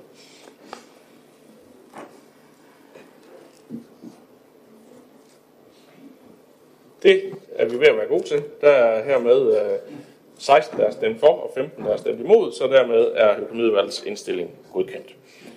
Det bringer os... Hans Erik? Okay, værsgo. Det har jeg, fordi, at, øh, og jeg har ikke engang spurgt Hans Sønderby og lov, øh, agt heller ikke at gøre det. Men øh, vi har jo krav på, at vi kan stille en mindretalsudtalelse, når man er blevet stemt ned i henhold til styrelsesloven. Og øh, derfor skal jeg på vegne af Socialdemokratiet, Socialistisk Folkeparti, Enhedslisten og Radikale Venstre øh, stille en, øh, eller komme med en mindretalsudtalelse. Og den består af, at øh, af vores opfattelse, at denne beslutning vil skabe uoprettelig skade på Esbjergs Midtbys historiske og værdifulde kulturmiljø i bykernen. At indsigelserne fra borgere, Slots- og Kulturstyrelsen, Byfonden, Sydvestjysk Museum og Landsforeningen for Bygnings- og Landskabskultur stort set affejes. For eksempel besvares de mange væsentlige indsigelser omkring byggeriets tilpasning til kulturmiljøet med en generel henvisning til miljørapporten. Denne behandling af indsigelser kan indtil ikke være tjent med, og jeg har sendt den op til Jes. Det er rigtig fint, og jeg tror ikke uh, umiddelbart, der er nogen begrænsning på, hvor lang en mindretalsudtalelse man må komme med, men, uh, men uh, den er modtaget, og den uh, kan blive tilføjet uh, referatet. Tak. Godt. Så bringer det os videre til øh, sag nummer 15, som øh, handler om noget helt andet end dagligvarerbutik i Bramming. Øh, en sag, der har været i plan- og miljøudvalget, og Karen Sandrini, du får lov til at sige lidt til den. Værsgo. Ja, tak. Byrådet vedtog 15. marts 2021 at offentliggøre forslag til kommuneplanændring og lokalplan for en dagligvarerbutik på hjørnet af Gabelsvej og Kirke, Kirkebrogade i Bramming i 8 uger. Vedtagsplanerne muliggøres etablering af en dagligvarerbutik med tilhørende parkeringsarealer og et stort grønt område til håndtering af overfladevand. Der etableres en overkørsel fra butikkens parkeringsplads til Gabelsvej. For at sikre fodgængere på Gabelsvej er der lavet en udbygningsaftale med bygherre om etablering af vejbom på Gabelsvej. I høringsperioden indkom tre høringssvar med bemærkninger vedrørende henholdsvis trafikale forhold og udstykning. Forvandlingens vurdering er, at lokalplanforslaget lever op til de retningslinjer, der opstilles i planloven og kommuneplanen samt kravene til trafikafvikling og de miljømæssige forhold. Plan- og Miljøudvalget og Økonomiudvalget indstiller til byrådet, at plangrundlaget vedtages endeligt. Tak for det. Så er det Jørgen Bosen Anden. Tak. Det har længe været et ønske øh, for borgerne i Bramming at få Rema 1000 til byen. Beliggenheden og placeringen har været en, en udfordring på grund af, af vand på, øh, i området, hvor den skal ligge. Og øh, der, der er der så fundet en løsning på her på det sidste, så grunden den opdeles i to områder, som øh, Karl Sandrini var inde på. Øh, og det bliver sådan set rigtig fint, fordi at, øh, det ene område det bliver så etableret med en, øh, et regnvandsbassin, som faktisk kommer til at virke ligesom en sø, når øh, der er behov for at afvande området. Og så er der også plads til noget biodiversitet, så vi får faktisk et område ved siden af butikken, som ser sådan helt engaktiv ud. Øh, grunden er på 8.800 kvadratmeter. Når der har været taget beliggenhed med hensyn til butikken, har lokalrådets ønske at være placering i midtbyen. Øh, eller i bymidten hedder det, hvis i Bramming. Men øh, ønsket om at få butikken til byen er også stort. Øh, og derfor er beslutningen om, at den her placering er altså fundet ude på enden af Gabelsvej. Der er også udarbejdet en detailhandelsanalyse for hele kommunen, som også indgår øh, med en række grunddata om Bramming, som vil komme i spil i forbindelse med andre øh, butiksprojekter i Bramming. Vi ved, at lokalrådets store ønske er, at der etableres et aflastningscenter i udkanten af byen på Vardervej, hvor der skal placeres et par store butikker, som ikke kan være i bymidten. Og det er vi faktisk blevet nærmere præsenteret for i dag i Planmyrevalget. Men det er en anden sag. Her drejer det sig om øh, Rema 1000, som nu kan placeres i den nordlige ende af byen som øh, et øh, lokalcenter. Med hensyn til trafikken øh, kan afvælges på forsvarlig vis, så skal der laves øh, hastighedsæmpende foranstaltninger på Gabelsvej, da det ligger uden for lokalområdet. Er der lavet en, øh, en øh, aftale mellem øh, bygherrer og Esbjerg Kommune om, at bygherrer står for udgifter til det her anlæg. Det var det. Tak for det. Der er ikke flere, der har bedt om ordet til det, så dermed kan vi afslutte en rigtig god sag her, så, vi kan, så de kan komme videre. Øh, det bringer os videre til øh, sag nummer 16, som øh, handler om et boligområde i Ribe. Også en sag for plan og miljø. Karen, du får ordet igen. Værsgo. Tak. Der er udarbejdet forslag til kommuneplanændring og lokalplan for udvidelse af det eksisterende boligområde på Klostermarken i Ribe. Med planforslagene sikrer kommunen, at der er mulighed for at opføre over 200 nye boliger i de kommende år. Der er plads til blandede boligtyper i området, f.eks. villaer og rækkehuse. Planen indeholder desuden flere grønne friarealer. Her er der basis for at prioritere den høje biodiversitet, når området anlægges og plejes. Der er lagt vægt på mulighederne for at færdes sikkert i området, og at området fungerer med de eksisterende boligområder. Derfor indeholder planerne flere cykel- og gangstier, der kobles til eksisterende stier og vejnet i området. Og der er ingen tvivl om, at området får liv, og der er muligheder for at bygge sit drømmehus i flotte omgivelser. Desuden øh, skal man også tænke på, at der er mulighed for tilflytter til, øh, for tilflytter til Ribe, samt at kunne udbyde grunde til ripenser, som ønsker at vende hjem efter år i udlandet, eller efter at have prøvet at bo et andet sted i landet. All good things come to those, to those who wait, som man siger, og vi har ventet på udstykninger i Ribe. Handler skulle afsluttes, og vand skulle håndteres. Vi glæder os nu over, at der kommer en del udstykninger i årene frem. Så planforslagene fremlægges med henblik på godkendelser og offentlig høring i 8 uger. Plan- og Miljøudvalget og Økonomiudvalget indstillede byrådet, at forslag til kommuneplanændring 2020.66, forslag til lokalplan 2020-0011 godkendes til offentlig høring. Tak for det. Det er en øh, rigtig god sag, som der helt sikkert er mange andre, der også kunne have tænkt sig at sige lidt til. Der er ikke nogen, der har markeret, og det har nok lidt at gøre med øh, den lange dagsorden og de øh, mange punkter, så øh, jeg tænker bare, at vi skal i enighed øh, sige, at øh, den er vi øh, øh, glade for, at vi hermed får godkendt. Så kommer vi videre til øh, sag nummer 17, som også er et planforslag, øh, også fra, du kan selv sige lidt om, hvad Ribe Aktivitets- og Historisk Park. Værsgo, Karen, du får ordet igen. Ja, og ganske kort, så kan jeg da sige, nu er der under 10 punkter tilbage, og der er først fodbold kl. 21. Så det når vi nok. Ribe Fritidscenter ønsker, at der laves et nyt plangrundlag, som gør det muligt at opføre en legepark på et areal ved Ribe Fritidscenter. Arealet ligger tæt på Hjortvad Å og er hidtil blevet brugt til oprensning og op, øh, oplag af sand fra sandfanget ved Hjortvad Å. Legeparken skal være et attraktivt tilbud til både repenser, gæster og turister. Parkens temaer er trukket frem fra en række lokale bygningsværker og historiske temaer. Fordi området, hvor legeparken skal bygges, ligger tæt på Hjortvad Å som Natur 2000-område, er der lavet en konsekvensvurdering, som skal, afklare, som skal afklare, om det vil få konsekvenser for naturområdet at anlægge en legepark. Konklusionen er, at parken skal anlægges uden konsekvenser for Natur 2000-området. For at legeparken kan realiseres, er det nødvendigt at lave en række trafikale ændringer i området.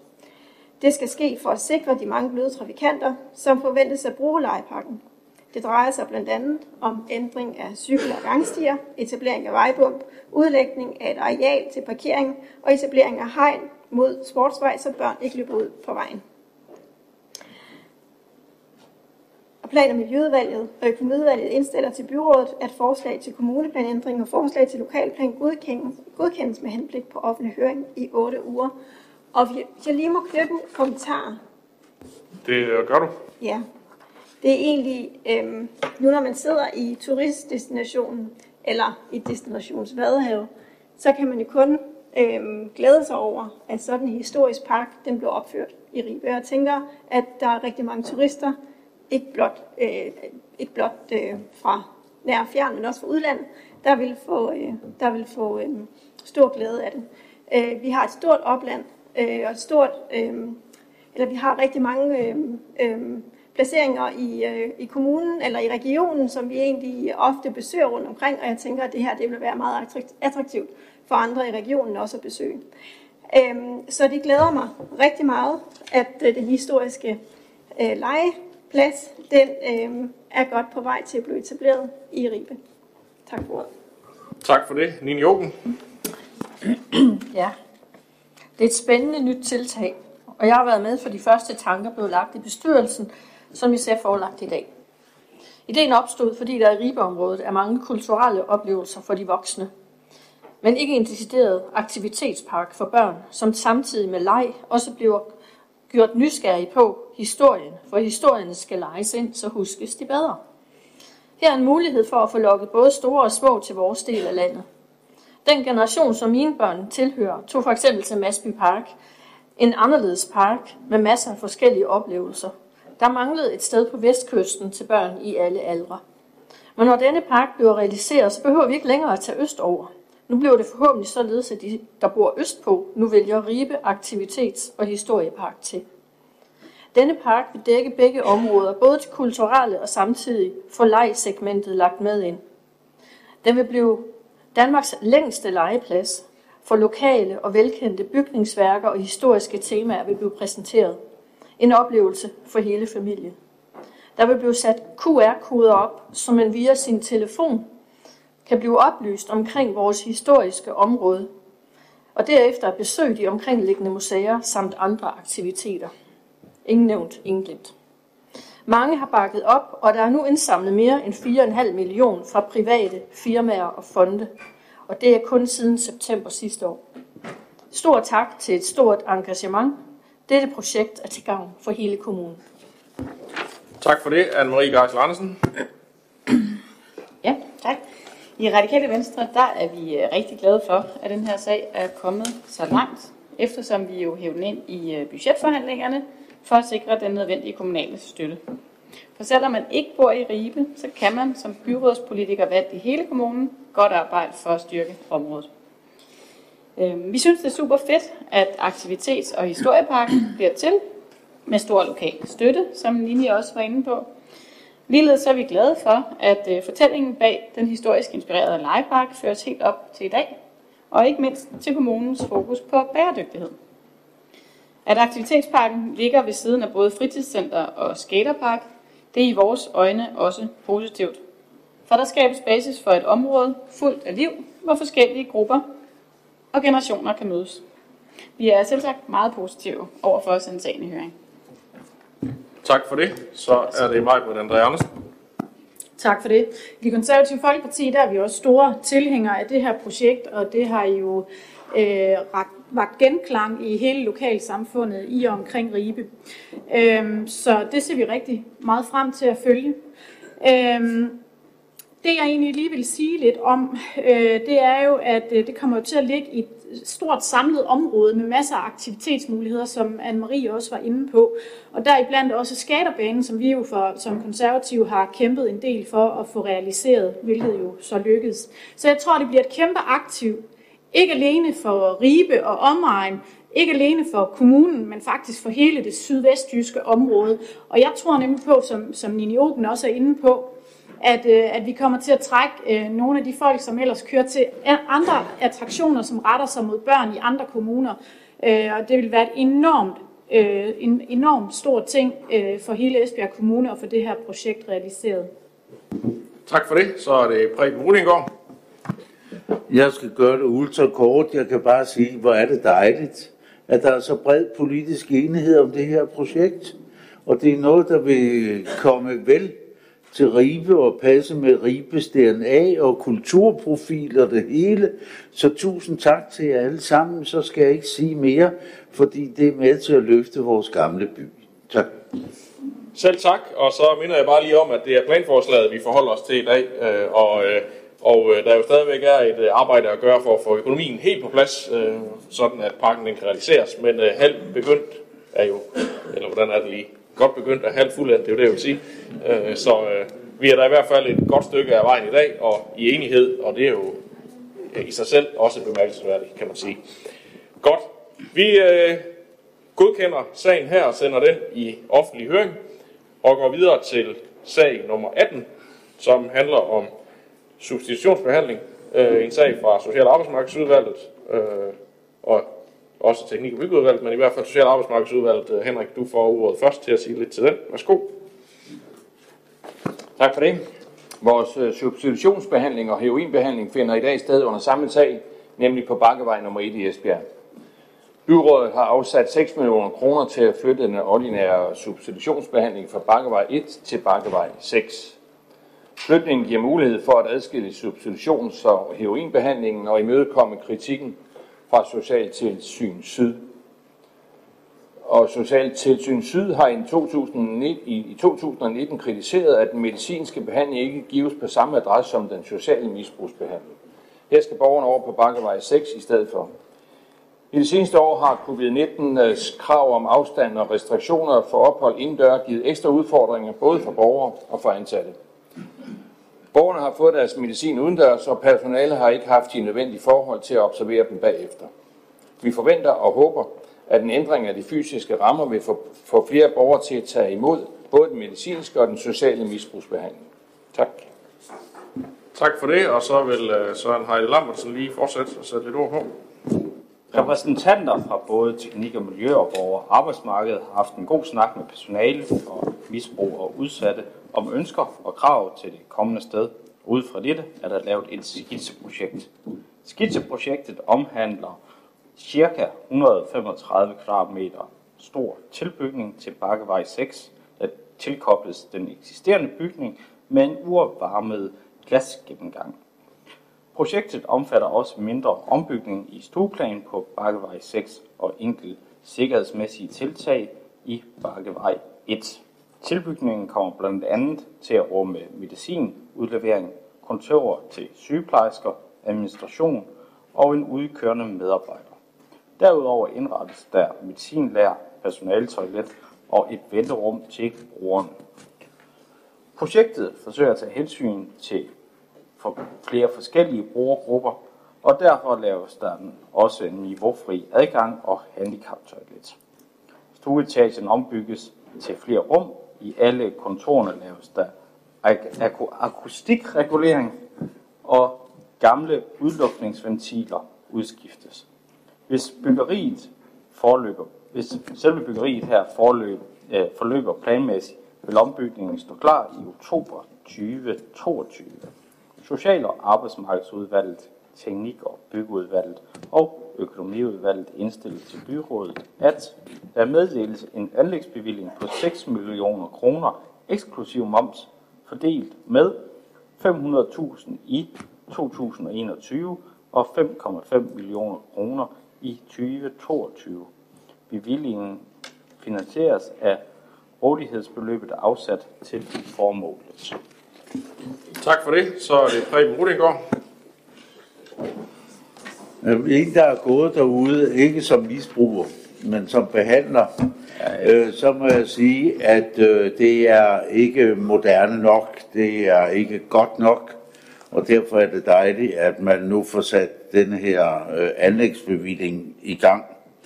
Øh, de mennesker, der er derude, de er ganske specielle. Det er søde mennesker, men det er mennesker, der er under dyb traume. Så har vi personale, der også skal passe det, og det har ikke været godt nok hidtil. Så jeg synes, at det her byråd, hvor mange der nu fortsætter efter 1. januar, det er der jo ingen, der ved, men at det her byråd skal have ros for, at nu har vi gjort noget ved det, noget der har været tiltrængt i overvis. Så øh, dejligt, at vi også kan lave noget, der er konstruktivt og positivt. Tak for det. Der er ikke flere på listen, så øh, det kan vi også godkende i enighed. Det bringer os videre til øh, sag nummer 19, som handler om nogle handicapboliger i Fyrparken. Også en sag fra Social- og Arbejdsmarkedsudvalget. Henrik, du får ordet igen. Værsgo. Ja, tak for det. På handicapområdet har vi de seneste år oplevet et stigende pres på vores kapacitet. Det er derfor positivt, at byrådet sidste år besluttede at afsætte midler til at øge kapaciteten på området. Nu fremlægger vi projektbeskrivelsen for opførelse af 18 nye handicapboliger i Fyrparken i Esbjerg. Det bliver 18 toværelses lejligheder på 65 kvadratmeter, alle med eget køkken og bad. Køkkenerne bliver så store, at personale kan hjælpe borgerne med at lave mad. Der er også et fællesareal med blandt andet spisestue til fællesspisning og andre aktiviteter. Projektet har været drøftet i det lokale koordinationsråd ved Udviklingscenter Vest. Der har også været, det har også været i høringen ved Handicaprådet og i, i Lev. Alle er positive omkring projektet. Så på vegne af Social- og Arbejdsmarkedsudvalget og Teknik- og Byggeudvalget håber jeg derfor, at vi i dag kan godkende projektbeskrivelsen og frigive de 2 millioner, der skal bruges til at igangsætte projektet. Tak. Det ser det ud til, øh, vi kan. Der er i hvert fald ikke flere, der har bedt om ordet, så øh, den kan vi hermed godkende i enighed. Det bringer os videre til sag nummer 20, som handler om servicefaciliteter ved nogle andre handicapboliger på Stanja Og der kan jeg se, at øh, Rikke Valø, han er klar til at sige noget igen, så øh, værsgo. Ja tak. Jeg skal gøre det forholdsvis kort. I Esbjerg Kommune arbejder vi generelt for, at alle borgere har de bedst mulige rammer for at kunne leve et, et godt liv. Derfor glæder det mig også, at vi til august i 2023 kan åbne otte nye boliger for voksne handicappede borgere, der har brug for særforanstaltninger. Vi har et stigende behov for den her slags botilbud, hvor vi imødekommer behovet for eksempel afskærmning. Vi ønsker med det nye bolig at højne livskvalitet for denne målgruppe af vores borgere. Tak. Tak, og det tror jeg, formand for Teknik- og Byggeudvalget lige vil supplere lidt. Værsgo, Søren. Tak skal du have. Vi, vi oplever et stigende behov for botilbud til voksne handicappede, som samtidig har brug for afskærmning. Derfor bliver botilbuddet Derfor bliver botilbuddet på Kastanje Allé bygget som otte fritliggende to-rums boliger med afskærmning til nærmeste nabo. Bygningerne kommer til at indeholde tekøkken og badeværelse, samt en flytbar væg mellem de to rum, så boligerne kan indrettes efter den enkelte borgers behov. Hver bolig får egen skærmet indgang og et mindre depotrum. Der bliver desuden etableret et mindre serviceareal ved de otte boliger, så personale kan være tæt på borgerne. Dette kommer til at indeholde et rum med fleksibel anvendelse. Det kan fx være et vagtværelse, arbejdsstation eller et mindre mødelokale og et personaletoilet. Et større serviceareal bliver placeret på første sal i den eksisterende bygning på Castania Allé 12, som lige skal renoveres før indflytningen. Når, etableringen er, når etagen er renoveret, kommer det til at indeholde kontorfaciliteter, personaletoiletter, depotrum, vaskerum og personalegarderobe. Ifølge tidsplanen kan der ske indflytning i august 2023. Social- og arbejdsmarkedsudvalget, teknik- og byggeudvalget og økonomiudvalget indstiller til byrådet, at indstillingen følges som skrevet i dagsordenen. Tak for det. Det er der ikke andre, der har bedt om ordet til, så det øh, kan vi gøre i enighed. Og det bringer os videre til øh, sag nummer 21, som handler om udmyndning af støtte til oplevelsesindustrien til ældre og udsatte borgere. En sag, der har været lidt rundt, men øh, bliver fremlagt her af formanden for Social- og Arbejdsmarkedsudvalget. Værsgo igen, Henrik Valle. Det, det gør den ikke. Det er Sundhed- og Omsorgsudvalgets formand, kan jeg se på øh, uroen i taler. Ja, Olfert Krog, værsgo, den får du. Henrik, jeg trænger også til en pause. Mange ældre udsatte borgere har haft en hård tid under coronanedlukningen. Flere har sandsynligvis oplevet ensomhed, fordi coronarestriktioner gjorde det vanskeligt at få besøg eller komme ud blandt andre. Derfor er det meget glædeligt, at vi nu har fået mulighed for at give den gruppe af borgere nogle ekstra oplevelser. Kommunen har fået godt 3 millioner kroner fra finansloven, som skal give ældre og udsatte borgere mulighed for at bruge lokale kultur- og oplevelsesaktiviteter. Det vil samtidig støtte vores lokale virksomheder og aktører inden for oplevelsesindustrien. Restauranter, teater, museer, hoteller osv., som i tiden med corona har mange kunder. Der er så tale om en ren win-win situation, som vil gavne både vores ældre og udsatte borgere og erhvervs- og kulturlivet i kommunen. Pengene skal bruges i bo- og dagtilbud til ældre og udsatte borgere. Det kan være til aktiviteter uden for bo- eller dagtilbuddet, for eksempel udflugter til kulturaktiviteter, oplevelser og ferieaktiviteter. Det kan også være til arrangementer inde på tilbuden, for eksempel koncerter, foredrag, fællesspisning, hvor aktiviteten eller maden er købt hos lokale oplevelsesaktører. For at pengene skal komme alle borgere i bo- eller dagtilbud til gode, har vi lavet et forslag, der fordeler midlerne på områderne ældre, voksne og familie.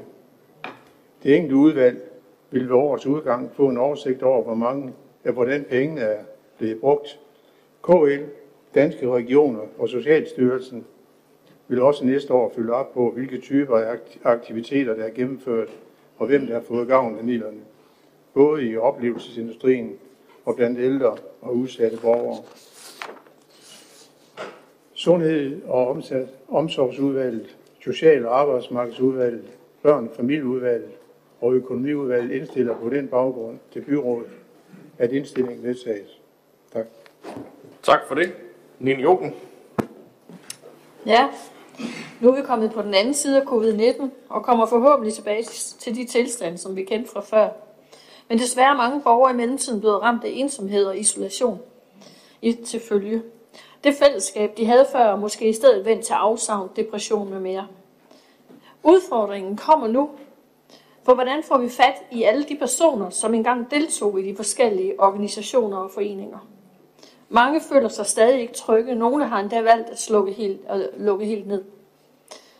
Nu er her en mulighed for, at organisationer og foreninger kan komme i gang igen og skabe en tryg tilbagevenden med muligheder for oplevelser samt fællesskab. Jeg kan kun opfordre, at organisationer og foreninger de er til at ansøge om midler og forhåbentlig vil sprudlende idéer opstå. Vores beboere på institutionerne skal ligeledes have oplevelser i deres hverdag. Opleve, at livet er tilbage, og det ikke kun er de fire vægge i hjemmet at kigge på. Tak for ordet.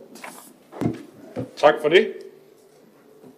Den kan vi hermed også godkende i enhed, og det bringer os så videre til sag nummer 22, som handler om belysning af Jobcenters tilbud på ungeområdet. En sag, der har været i Social- og Arbejdsmarkedsudvalget, hvor efter den er begæret i byrådet af Susanne Dyrborg, eller Dansk Folkeparti. Så Susanne, du får lov til at sige lidt til den. Værsgo.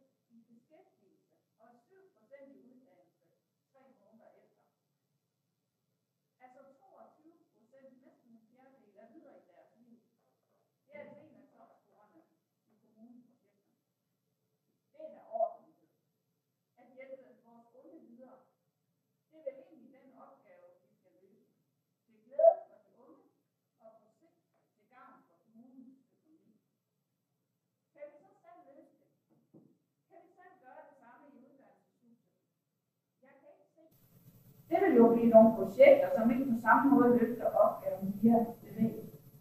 Og hvordan kan vi løfte en endnu større opgave med endnu flere unge, uden at få flere ressourcer på det? Det kan vi da ikke. Det koster da penge at hjælpe den unge på vej. Men jeg vil mene, at det er en god, ja, vel egentlig næsten en intelligent skulle lege med den succesrate og den forholdsvis lave omkostninger, omkostning på 319 kroner per år, ja, så håber jeg inderligt, at vi alle vil være med til at fortsætte med at hjælpe de unge mennesker på rette vej. I respekt for en økonomi, som desværre ikke giver mulighed for at forlænge alle de tre kontrakter, så vil vi slutte af med følgende. Hvis borgmester tillader det, vil jeg gerne på vegne af Dansk Folkeparti fremstille et ændringsforslag. Dansk Folkeparti stiller forslag om, at kontrakten med Fit to Life forlænges til den 31. 12. 2021, og byrådet anmoder Social- og Arbejdsmarkedsudvalget om at bringe finansieringen på plads inden for udvalgets ramme. Tak for det. Så er det Henrik Valø. Nu har vi jo så hørt, hvordan øh, DF de har oplevet den her sag. Jeg vil sige det på en noget anderledes måde. Vi står her med en sag, som primært handler om beskæftigelsesindsatsen i Esbjerg Kommune. Jeg gerne sige, at de overordnede principper for beskæftigelsesindsatsen er fastlagt i beskæftigelsesplanen, som vedtages her i byrådet. Beskæftigelsesplanen bliver til i samarbejde med arbejdsmarkedets parter, som kommer med udtalelse til planens. I beskæftigelsesplanen fastlægger vi, hvordan der skal arbejdes med de forskellige målgrupper, og hvilke indsatser der skal være på i fokus. Det har fungeret upåklageligt de sidste mange år. Det jeg også kan sige, det er, at jobcenter i alle årene har haft kompetencen til at fastlægge, hvilke leverandører der laves kontrakter med, og hvilke forløb jobcenteret selv varetager omkring de ledige. Baggrunden for det er, at målgruppens omfang tyngden kan variere efter konjunkturerne. Jobcenters budgetter kan ligeledes variere alt efter, hvilke økonomiaftaler vi laver. Og den fleksibilitet, der har været omkring, at jobcenter indgår kontrakter med de leverandører, som kan give en indsats til de ledige inden for den økonomi, der har været til rådighed, det har, det har der altid hidtil været opbakning til.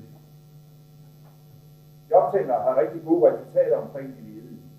Der er stor tilfredshed med de, i de undersøgelser, som er lavet øh, både blandt ledige og blandt virksomheder. Jobcenteret har, yder, har yderligere altid været gode til at overholde den ramme til aktivering, som er blevet dem givet. Nu kan jeg så konstatere, at der i det og Venstre ikke længere er opbakning til, at jobcenteret har kompetencen. I hvert fald, når det gælder en særlig leverandør, nemlig Fit to Life. Sagen om, hvorvidt der skal videreføres en kontrakt, som Jobcenter har indgået til og med den 30. i 6. i år, er en sag, der nu, stik imod alle hidtige principper, er endt med at skulle drøftes her i byrådet. Som det fremgår, så ønsker DF og Venstre at tage en særlig leverandør ud, behandle dem anderledes og give dem en kontrakt videre frem.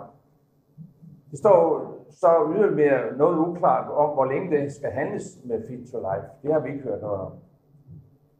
Fit to Life koster 83.000 kroner om måneden. Det vil sige, at resten af året øh, vil, vil, vil, det vil sige, at resten af året vil udgiften alene til Fit to Life i rundetal beløb sig til omkring halv million kroner. Hvorfra skal det her beløb komme? Og skal Fit to Life forlænges, så mener jeg bestemt også, at kontrakterne med de to øvrige aktører skal køre videre. Og så taler vi på et, om et beløb på op omkring i underkanten af halvanden million. Og så må jeg spørge igen, hvor skal, komme, hvor skal pengene komme fra? Skal vi afskedige en 3-4 medarbejdere på jobcentret? Eller skal vi tage pengene for eksempel ved at beskære kontoen for uddannelsesforløb for eksempelvis, for de, for, eksempelvis de forsikrede ledige? Og det er en tid, hvor virksomhederne mangler kvalificeret arbejdskraft. Eller skal vi øh, finde dem med budgetlægning? Altså, vi står med en sag, hvor DF og Venstre, og måske flere, kommer med et ufinansieret forslag, som jobcenteret ikke har råd til, ikke ønsker og ikke har brug for. Det er jo derfor indstillingen fra forvaltningen i sagen lyder på, at kontrakterne ikke skal forlænges ud over den 30. i 6. Det her det er for mig fuldstændig uhørt, og økonomisk uansvarlighed er værste skuffe. Konsekvensen af den her sag, hvor DF og Venstre og måske nogle andre vil prioritere at til gode se en særlig leverandør, det er da en ganske principiel sag, som kun kan give anledning til undren. Kunne det tænkes, at det i højere grad handler om, at et medlem af DF, og jeg er nødt til at sige, at det her det handler ikke om Oliver Krog, har nogle nære relationer til medarbejdere i Fit to Life, eller noget i den stil. Jeg håber ikke, det er tilfældet, men hvis det er sådan, det forholder sig, så finder jeg sagen endnu mere grotesk. Til slut vil jeg sige, at den her sag i høj grad bryder med væsentlige principper for, hvordan byrådet hidtil har arbejdet med beskæftigelsesområdet. Så jeg håber virkelig, at den her sag er en enig svale af arken, for ellers kan det blive rigtig svært for jobcentret at administrere beskæftigelsesområdet fremadrettet. Hvis den her sag skulle være landet fornuftigt og økonomisk ansvarligt, så burde den være trukket fra mødet her i min verden, og så kunne DF i stedet fremsætte et forslag til budgetforhandlingerne om eventuelt genoptagelse af samarbejde med Fit to Life. Det er sådan, det normalt ville foregå. Alternativt så kunne man have sendt sagen tilbage til Social- og Arbejdsmarkedsudvalget uden betingelser. Øh, så vil jeg undlade lige at tage mere med her, så indtil videre vil jeg sige tak for mig. Tak for det. Så er det Hans Erik Møller. Ja, tak. Og jeg må jo sige, at øh, jeg er fuldstændig enig med det, øh, Henrik Valø, han siger her. Jeg synes, øh, bare lige for at ret, at nogen, jeg tror, man siger, at vi vil opsige, nej, den udløber, eller kontrakterne udløber. Jeg tror, det, der er vigtigt for alle her i byrådssalen, det er, at vi vil jo absolut os unge mennesker det allerbedste, også dem, der skal have hjælp. Vi vil jo gøre alt, hvad vi kan for at få dem i uddannelse eller få dem i job. Og det er helt klar hovedmålet. Og der er også nogle af de forskellige ting, vi laver, de er svære at måle bare på i procent, hvor mange kommer så i uddannelse eller job. Fordi der skal man også gå ind og se, hvor er de henne i kategorien? Hvor meget skal der til for at få nogen i uddannelse og job? Der er nogen, der skal mindre til, og nogen, der skal rigtig, rigtig meget til, og det skal man selvfølgelig også måle på. Men jeg synes, det er rigtig, rigtig fornuftigt, at vi laver en beskæftigelsesplan. Arbejdsmarkedets parter er meget inde over den her beskæftigelsesplan. Byrådet tænder den så ud. Der kommer en masse tilbage, og det hele bliver indarbejdet. Og så ender den her i byrådet, hvor byrådet så beslutter. Og så har det altid været jobcentrets kompetence og vælge de leverandører, der vil, der kan, som jobcenter mener, gøre det bedst muligt for os unge, for alle i vores beskæftigelse. Jeg føler, at når man tager den kompetence fra jobcentret, som altid har lagt i jobcenters regi, som rent faktisk i budgettet står som en pulje under jobcentret, så synes jeg faktisk, det er mistillid til forvaltningen at sige, den kompetence tager vi fra jer nu. Nu skal vi til i Social- og Arbejdsmarkedsudvalget og også byrådet helt længere ned end maskinrummet, helt ned til klasselaksen. Nu skal vi til at være smagsdommer. Vi skal ikke lytte til jobcenter, deres revolution, deres indsigt og alt det i de enkelte projekt, for det er vi meget bedre til at vurdere. Synes I? Det synes vi absolut ikke. Vi synes tværtimod, at den kompetence skal blive der, hvor den kompetence altid har været. Og jeg skal ikke være smagsdommer. Jeg skal ikke gå hen og sige, at vi kan da lige forlænge den den ene, og ikke de to andre. Hvor har vi kendskab nok til det? Altså, der er næsten hen af, sammen med Henrik Valve at sige, det er da lige godt fantastisk. Altså, og så synes jeg, når man så decideret på udvalgsmødet stiller et spørgsmål, hvis nu, at jobcenteret skulle forlænge med en af dem, hvem vil I så vælge? Og så peger de ikke på Fit to Life. Så peger de på Grib Chancen. Det er der, hvor de mener, der er den største succes. Og så alligevel fremsætter man her i dag et forslag om, at vi skal forlænge med Fit to Life, og ikke det jobcenter rent faktisk siger, hvis endelig de har penge til så det der. Og vi har uddannelseshus. Vi har kapaciteten fuld ud i uddannelseshus. Og vi har spurgt ind til, kan I levere det samme, også med evolution? Og de siger, ja, vi tilpasser det ud af uddannelseshus. Der er ledig kapacitet, som ikke bliver udnyttet. Det kan vi udnytte nu. Hvis vi skal forlænge alt det her, jeg mener så, det er næsten 2 millioner, for det er 83.000 øh, per måned i det to, og 160.000 i den tredje, og det kan man så gange med 6. Det er der penge lige ud af vinduet. Og jeg vil nok sige, at det er den største. Nej, det må jeg ikke sige. Man må ikke vande byrådet. Så siger jeg 10 stille folk, jeg nogensinde har givet. Tak for ordet. Ja, tak.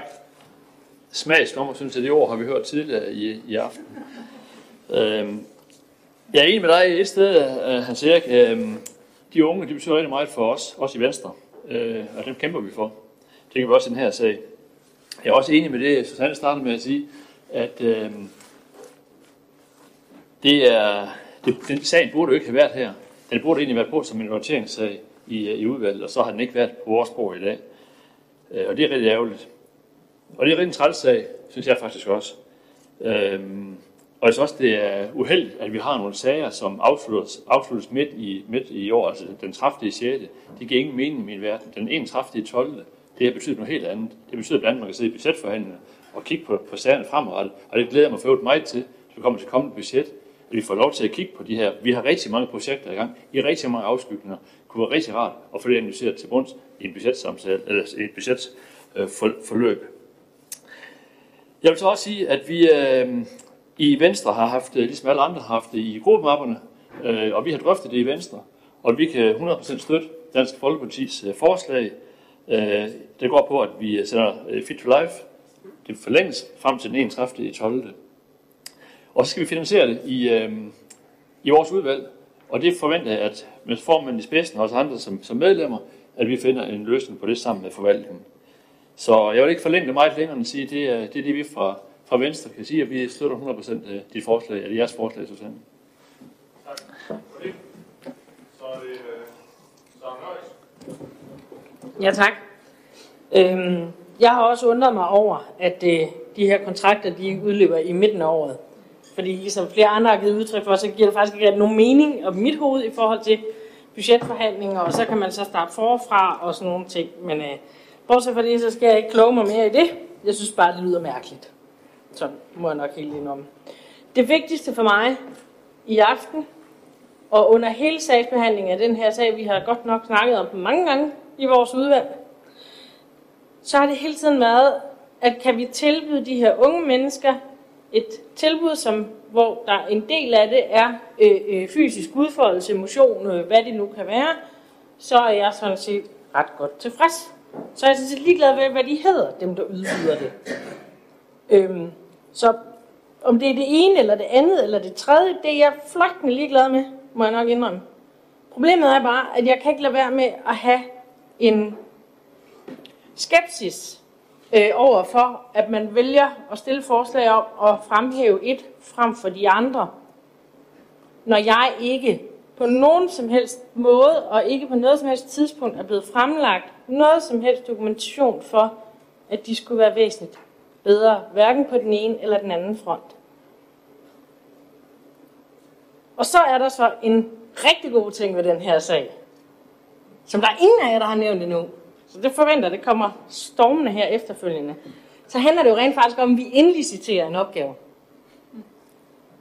Og så kan man faktisk ikke gøre mig ret meget gladere i mit socialistiske, antikapitalistiske hjerte. Vel? Altså, jeg bliver fuldstændig helt tosset. Jeg vil se, og det er også sidst på aftenen og sådan nogle ting. Så jeg vil bare lige øh, knytte en enkelt kommentar til ændringsforslaget. Hvis ikke I allerede har gættet det, der må jeg indrømme, der giver jeg øh, øh, Henrik Valø ret. I forhold til, at, at vi så godt nok kun skal fortsætte med et øh, af de her tilbud, og så vælger at lægge det i Social- og Arbejdsmarkedsudvalg for at finde pengene. Helt ærligt, vi har ikke nogen penge i forvejen. Vi kan ikke engang få enderne til at hænge sammen med det, som vi samlet har besluttet i budgetforliget. Der kan vi ikke engang få enderne til at hænge sammen. Så skal vi så lige finde nogle flere penge. Tak for kage, altså.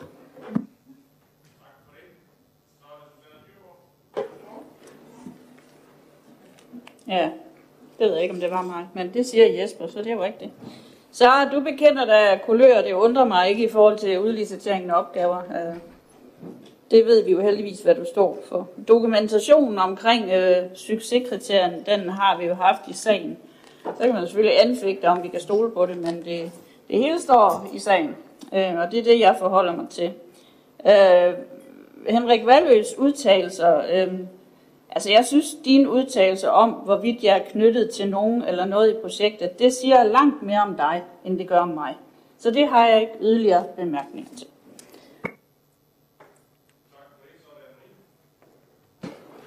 Tak for det.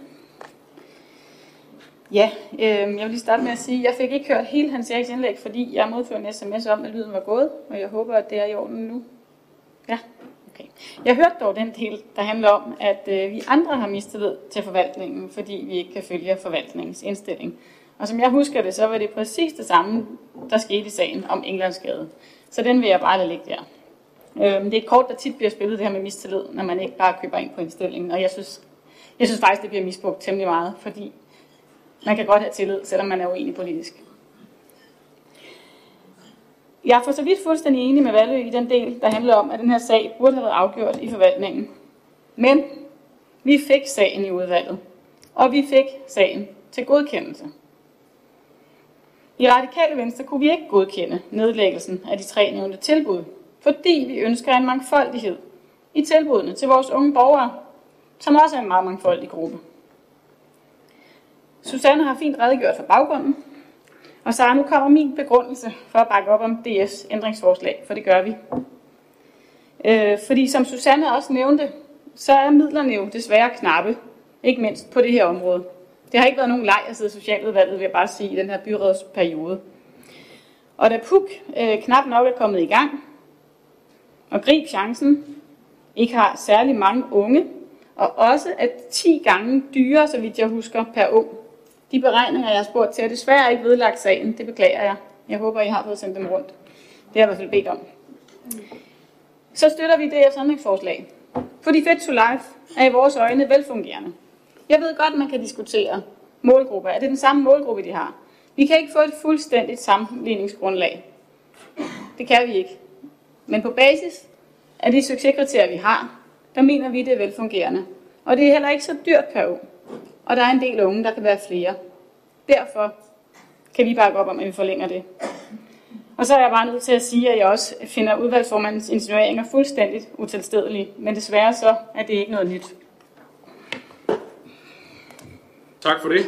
Så er det øh, Hans Erik Møller. Værsgo. Ja, tak. Altså, øh, jeg vil lige sige, når man sammenligner den her sag øh, med Eng- øh, Englandsgade, vi øh, tidligere har snakket om i dag, så, så er det altså to vidt forskellige ting. Altså en ting er, at der er en sag på en politisk dagsorden, som skal behandles på en politisk dagsorden, og en sag, den kan man så videre sende øh, via styrelseslov til byrådet. Den her sag skulle der aldrig nogensinde være på en politisk dagsorden. Aldrig. Forvaltningen har aldrig nogensinde sat den her sag på.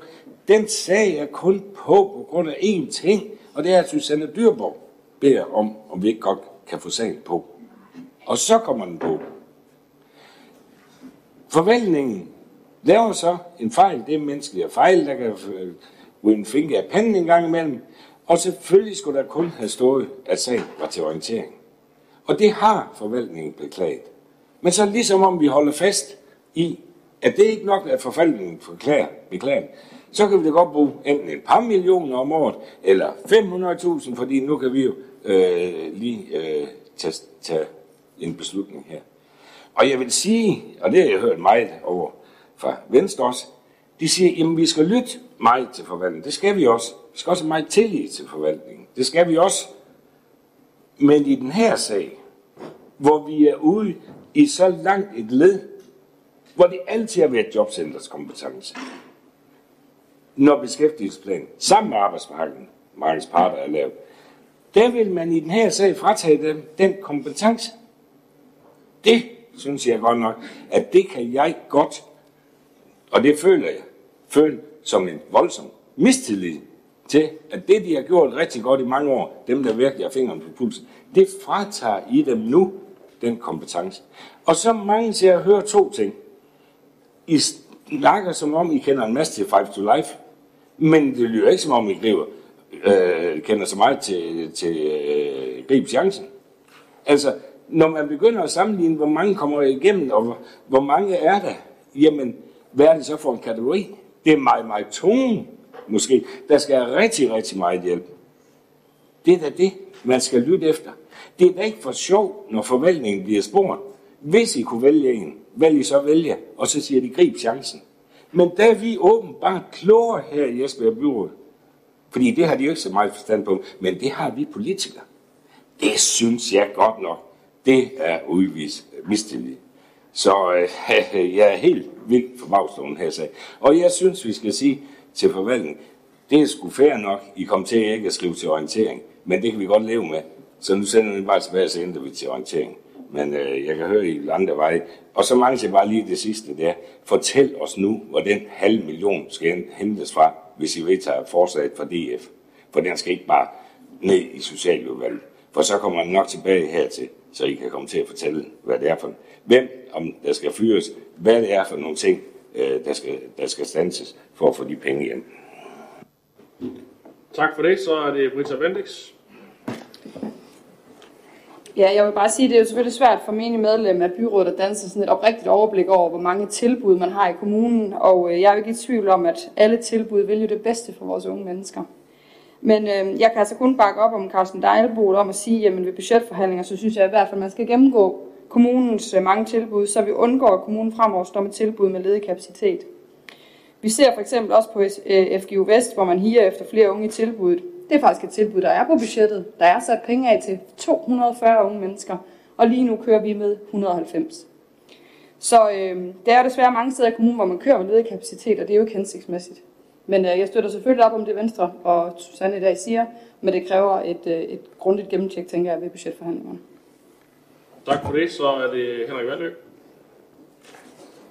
Ja, øh, øh, jeg skal bare sikre mig om, at, at, vi ikke, at, at vi er enige om, at det er jobcenter, der har kompetencerne på det her område, og det er dem, der ved noget om det her. Det, det håber jeg, vi er nogenlunde enige om. Og så vil jeg bare, jeg gentager lige, hvad jeg sagde før. Jobcenter har ikke råd til det her.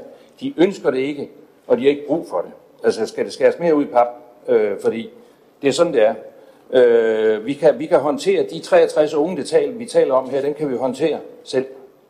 Øh, så det er jo netop derfor, at det er opsagt, det her øh, projekt. Og så er jeg helt enig i, at det her det er en mega træls sag. Helt vildt. Øh, nu har jeg været udvalgsformand for det her udvalg i tre perioder, og nu har vi fået et ganske udmærket nyt medlem i vores, øh, i vores udvalg, som vi er glade for. Velkommen, det har jeg sagt. Men jeg kan undre mig over, at når Carsten kommer til vores tredje møde, eller til sit tredje møde i vores udvalg, øh, så pludselig så øh, kan man gå ind og overrule sådan her på den måde her.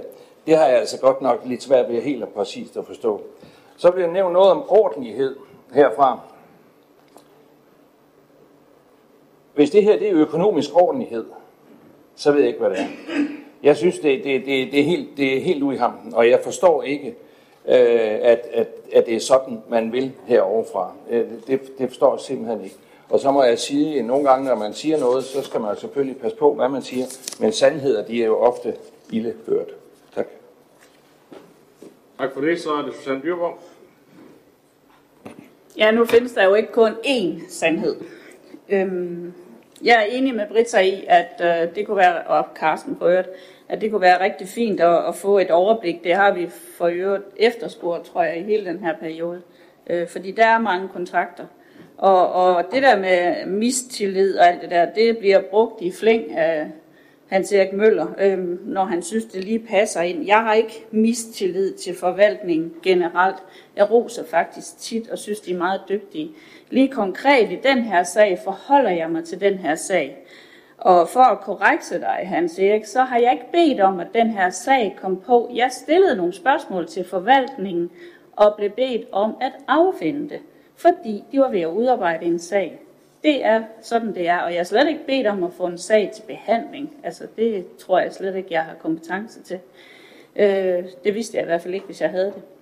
Så øhm, altså, vi kan snakke i flere timer om det her, men øh, jeg, har, jeg har givet min holdning til kende, forsøgt at holde det overordnet, og øh, Jeg har ikke brug for at blive personlig. Tak, og jeg tror også, vi er ved at være der, hvor, hvor positionerne ligesom er ridset op. Øh, så øh, nu er der to mere på talerlisten, og så håber jeg, at vi kan lukke den her sag af med det. Den næste er Anne-Marie Geist Andersen. Jamen, jeg må bare spørge øh, Henrik Valø tilbage, om vi ikke også er enige om, at vi tager stilling til de indstillinger, der bliver lagt frem. Fordi hvorfor lægge en sag frem til politisk beslutning, hvis vi ikke må beslutte noget? Måske skulle vi bare fra starten have bestemt den øh, til orientering, hvis vi kunne det. Men det har vi ikke gjort. Og vi fik den til godkendelse. Og i forhold til det her med finansiering, som jeg læser sagen, så kan vi putte de her unge over i uddannelseshuset til en indsats der.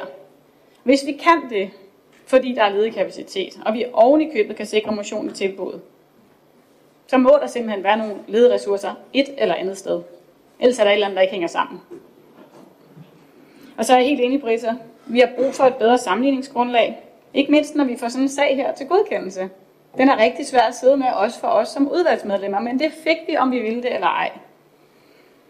Og jeg vil meget gerne have et bedre sammenligningsgrundlag på hele socialområdet. Det synes jeg faktisk, den her sag illustrerer.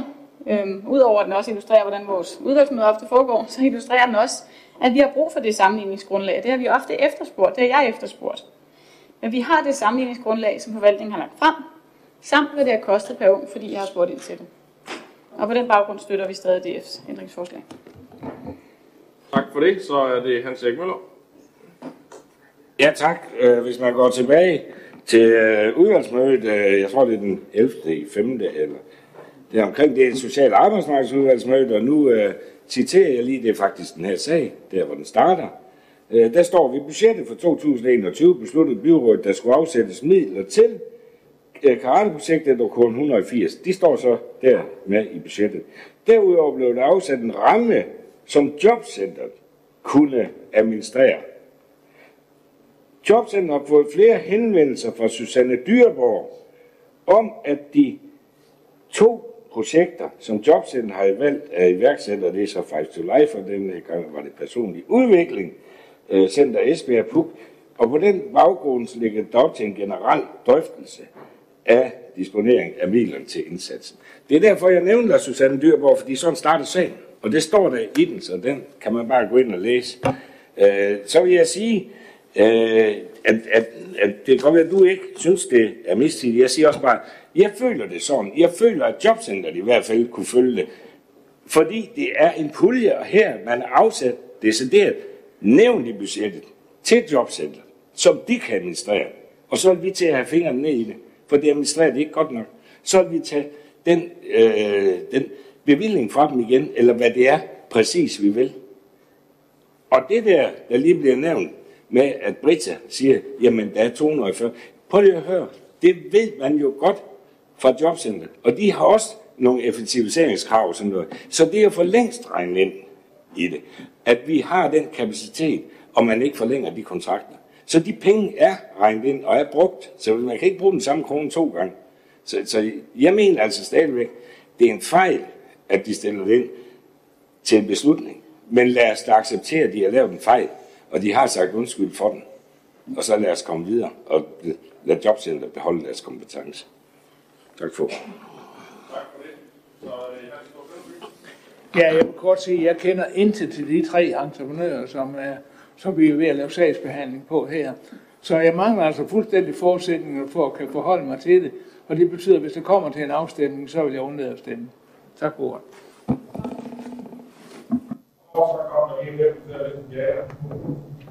Det er sådan set ikke til selve sagen. Det er mere behandlingen af det, fordi nu kan jeg høre, at Hans Erik Møller sagde, at så frem til det vedtaget, og at det ender med, at man skal finde 500.000, så ser vi den her igen. Så vil jeg rigtig gerne appellere til, at det er fagudvalgsbehandling i byrådet, og hvis vi endelig ender med fagudvalgsbehandling i byrådet, at vi så får et bedre grundlag for at behandle sagerne på.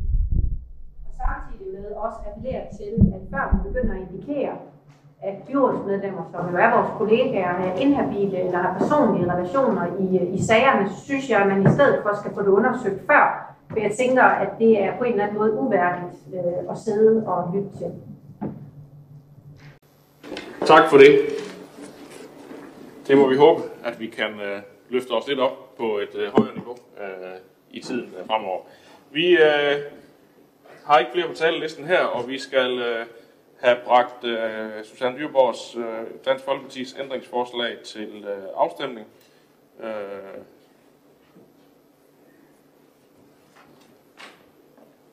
og hvis man kan støtte forslaget, så stemmer man for, og ellers så kan man jo stemme imod eller undlade.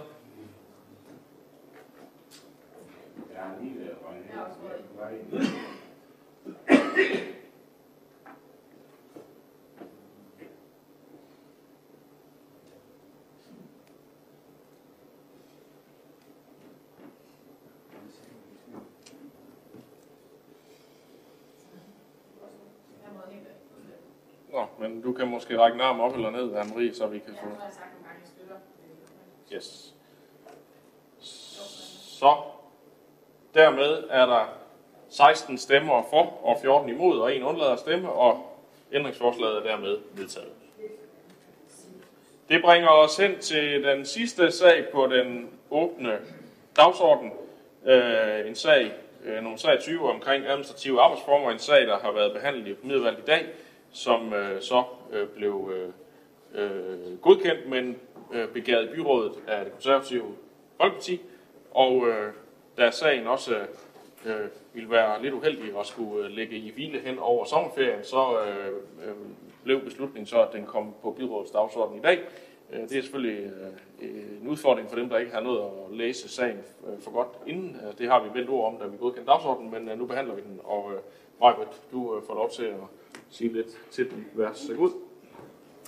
Tak for det. Tidligere i dag, der øh, behandlede vi, som borgmesteren også sagde, øh, flytning af kommunale arbejdspladser øh, i økonomiudvalget. De arbejdspladser, man vil fjerne, det indbefatter både kommunale arbejdspladser på det tidligere rådhus i Ribe, samt kommunale arbejdspladser, der har til huse på Frodesgade 68-70. Der er flere ting, der bekymrer mig i den her sag, hvilket også er årsagen til, at jeg har valgt at stemme imod i økonomiudvalget og tage sagen op i byrådet i dag.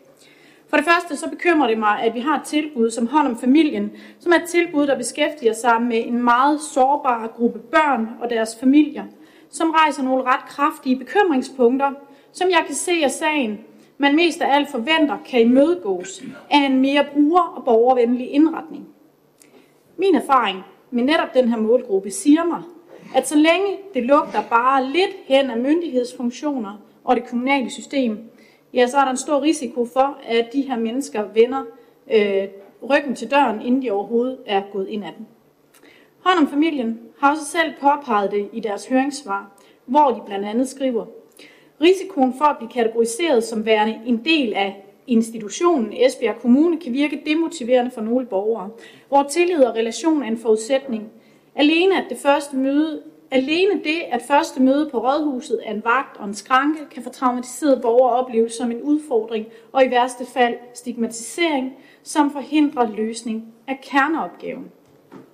Altså, hånd om familien ser på denne måde en stor udfordring i at lykkes med at løse den opgave, de i virkeligheden er sat i verden for. Og det er på trods af, at de jo er bekendt med, at man arbejder sammen med designskolen omkring de fremtidige rammer. Det bekymrer mig i en grad, så jeg faktisk har svært ved at sætte ord på det. Så jeg vil forholde mig til, at mig bekendt, så blev hånd om familien oprettet for at lave nogle indsatser for de allermest sårbare grupper af børn og deres familie. Og i hånd om familien, der er omdrejningspunktet at gøre meget mere af det, vi ikke plejer at gøre.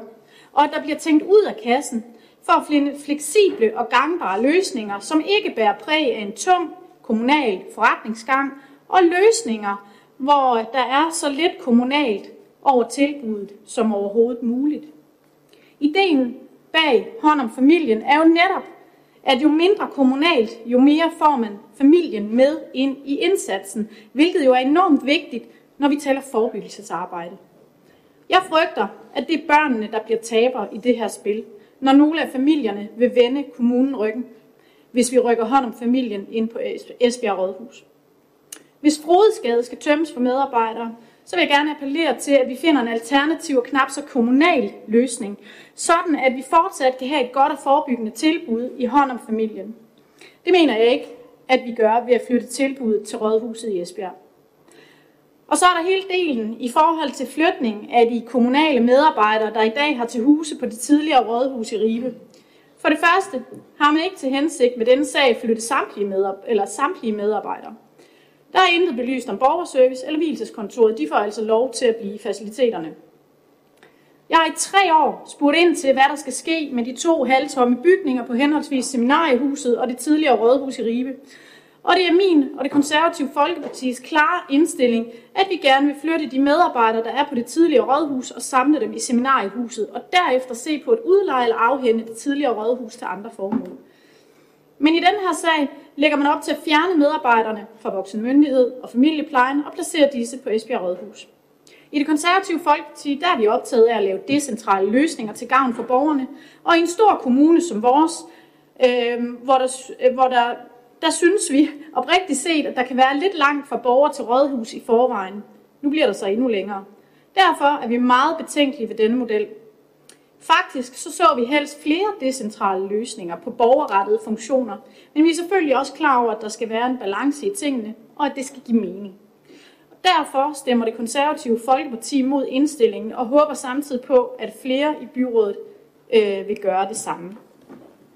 Tak for ordet. Tak for det. Øh, måske jeg lige skulle øh, supplere en lille smule, fordi at, øh, jeg synes måske, at du kom lidt let hen over, hvorfor det egentlig er, at vi skal behandle den her sag. Fordi det er jo en beslutning, der blev taget i forbindelse med det kommunale budget sidste år, hvor vi i enighed øh, alle sammen har støttet, at man øh, sætter nogle midler af til at finde ud af, hvordan kan man nyindrette Esbjerg Rådhus øh, bedre, og hvordan kunne man sikre, at man også kunne, i, i lyset af den læring, vi havde i coronasituationen, hvor der var mere hjemmearbejde, hvordan kunne man så øh, få flere medarbejdere ind, så man, når man nu øh, gennemfører de her øh, hvad hedder det, øh, investeringer, også har en, en stor indarbejdet besparelse i det, ved at samle flere medarbejdere under samme tag. Øh, det var jo en, en beslutning, vi tog i enhed, og øh, der har er der så blevet arbejdet med forskellige modeller for, hvad var det for nogle medarbejdergrupper, der kan flyttes ind, hvad er der fysisk plads til, hvad vil give mening. Øh, og der kan man sige, at der så i sagen beskrevet fire forskellige forslag, og den model 4, som så er den, vi forholder os til her, er den, som øh, du beskriver her, at, at man flytter nogle medarbejdere fra Frodsgade hertil, og man også flytter medarbejdere fra det nuværende Ribe Rådhus. Øhm, og det øh, er sådan set øh, øh, det, som øh, vi fik en orientering, eller vi fik en sag på i økonomiudvalget i, øh, i øh, maj måned, som vi sendte tilbage, fordi at vi synes, der krævede lidt mere belysning, og det er så det, der er lavet her, hvor man jo også har belyst, at en del af øh, løsningen for at sikre de øh, borgervendte funktioner også i Ribe, at det er, at man også øh, indretter øh, pladser på seminariehuset, sådan at man øh, der kan, kan sikre, at medarbejderne stadigvæk kan være fysisk til stede. Så det er en, en, en, en større sag, som, som vi her forholder os til, og man kan sige, der er jo en del af løsningen i, og, og bekymring omkring, om, om, om rådhuset er for meget myndighed, eller at, om, om den øh, kan have den funktion, jamen den har vi jo øh, både vendt ord om øh, i økonomiudvalget og deler også flere, det er vigtigt, at man i hvert fald forholder sig til det, og det er jo også derfor, at man har øh, med den øh, partnerskabsaftale, vi jo i forvejen har med Kolding Design School, om at øh, udvikle ting i fællesskab, lære af det, forbedre det osv., at man også der øh, har taget den del med i, øh, i processen, så man øh, lige præcis sikrer, at man får indrettet tingene sådan, at, at det også bliver øh, en ideel øh, bygning og en ideel møde til øh, de borgere, det her det omhandler. Men der er flere, der har bedt om ordet, så jeg tænker, vi kan supplere senere, hvis der bliver behov for det. Øh, Det er Anne-Marie Greisler Andersen, der er den næste på listen. Værsgo. Tak. Jamen, i Radikale Venstre har vi valgt også at stemme imod den her sag. Og det har vi øh, hovedsageligt af den grund, at den er kommet alt for sent på. Hvis det haster sådan med at få den igennem, så burde den have været på beslutningsdagsordenen før, så vi havde kunnet nå at give den en ordentlig politisk behandling. Jeg modtog den her for mig helt nye sag kl. 13. Jeg læste mailen 13.45, og da jeg landede hjemme og var på vej til temamøde. Og til eftermiddag har vi haft et andet times temamøde om budgettet. Så jeg har desværre ikke haft mulighed for hverken at sætte mig ordentligt ind i sagen, ej heller nået at drøfte med mit øh, bagland. De andre nævnte det meget rigtigt i forrige sag, og når vi får sager fra fagudvalg i byrådet, så kan man godt nogle gange mangle grundlaget. Og det føler jeg, at jeg gør i den her sag. For som du også siger, borgmesteren siger, det er en budgetbeslutning, der skal udmøntes. Så langt er vi med. Men som jeg læser sagen, så har der været fire modeller i spil, og jeg kan da umiddelbart øh, ikke lige gennemskue, hvilken jeg helst ville være gået med, havde jeg fået dem forelagt. Øhm, dertil kommer, at vi deler flere af de betænkeligheder, som Majbrit øh, fra Konservative har fremhævet. Særligt så har jeg lidt svært ved at forstå rationalet bag, at man vil flytte et tilbud som hånd om familien ind på rådhuset. Øhm, og så vil jeg bare sige, at hvis sagen kommer til afstemning, så har vi en lille mindretalsudtalelse. Tak for det. Så er det Diana Mos Olsen. Jeg kan sådan set godt forstå dem, der er svært ved at øh, nå at forholde sig til en sag, som vi har haft på økonomiudvalget i morges, end endda også sætte sig ind i den, på trods af, at de havde haft bedre tid til det, fordi det netop er, lige så vel som den anden sag, vi lige har behandlet, en fagudvalgssag. Øhm, og det er det jo fordi, at vi skal kigge ind i en mere overordnet plan for, hvordan vores medarbejderes arbejdspladser skal være. Problemet er bare, at det her er kun en lille del af planen. Og det har jeg også givet udtryk for i økonomiudvalget, at jeg synes, vi mangler den overordnede plan. Jeg kunne have ønsket mig, at vi også allerede havde tankerne med omkring Stinkovsvej, hvor vi jo også skal flytte nogle offentlige arbejdspladser ud. Forhåbentlig, men det har ikke godkendt endnu.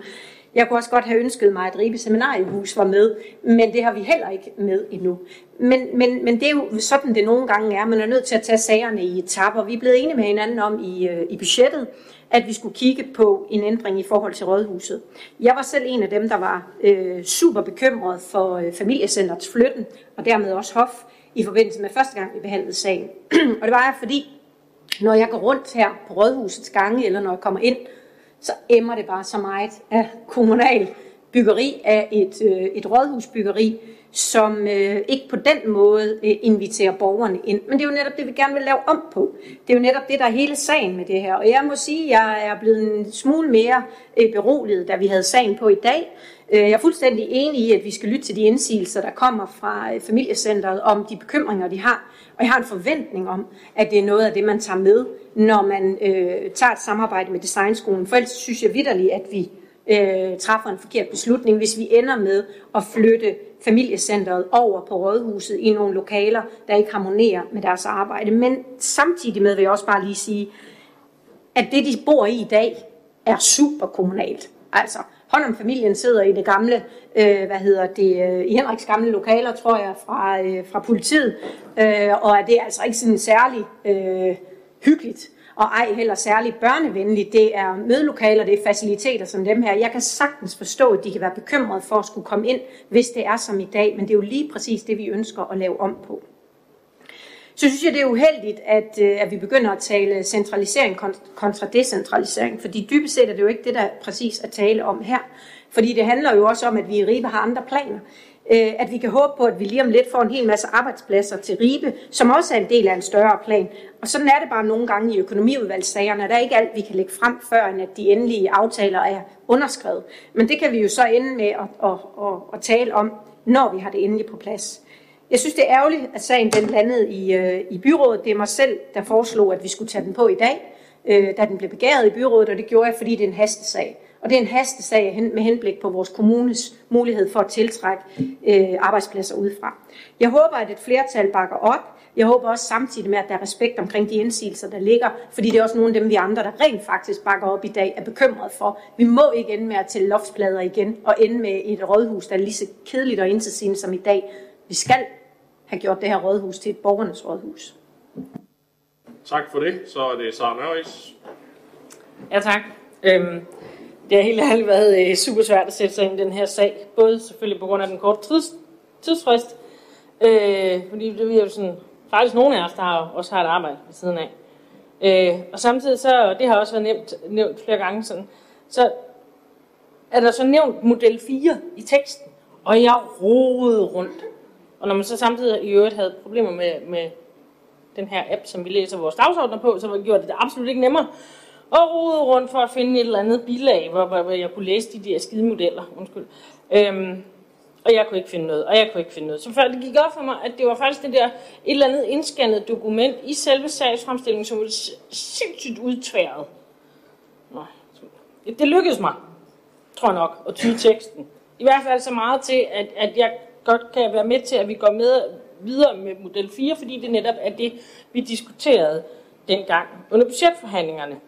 Men forudsat lige præcis, at man gentænker, hvordan det føles for borgerne at komme ind på rådhuset.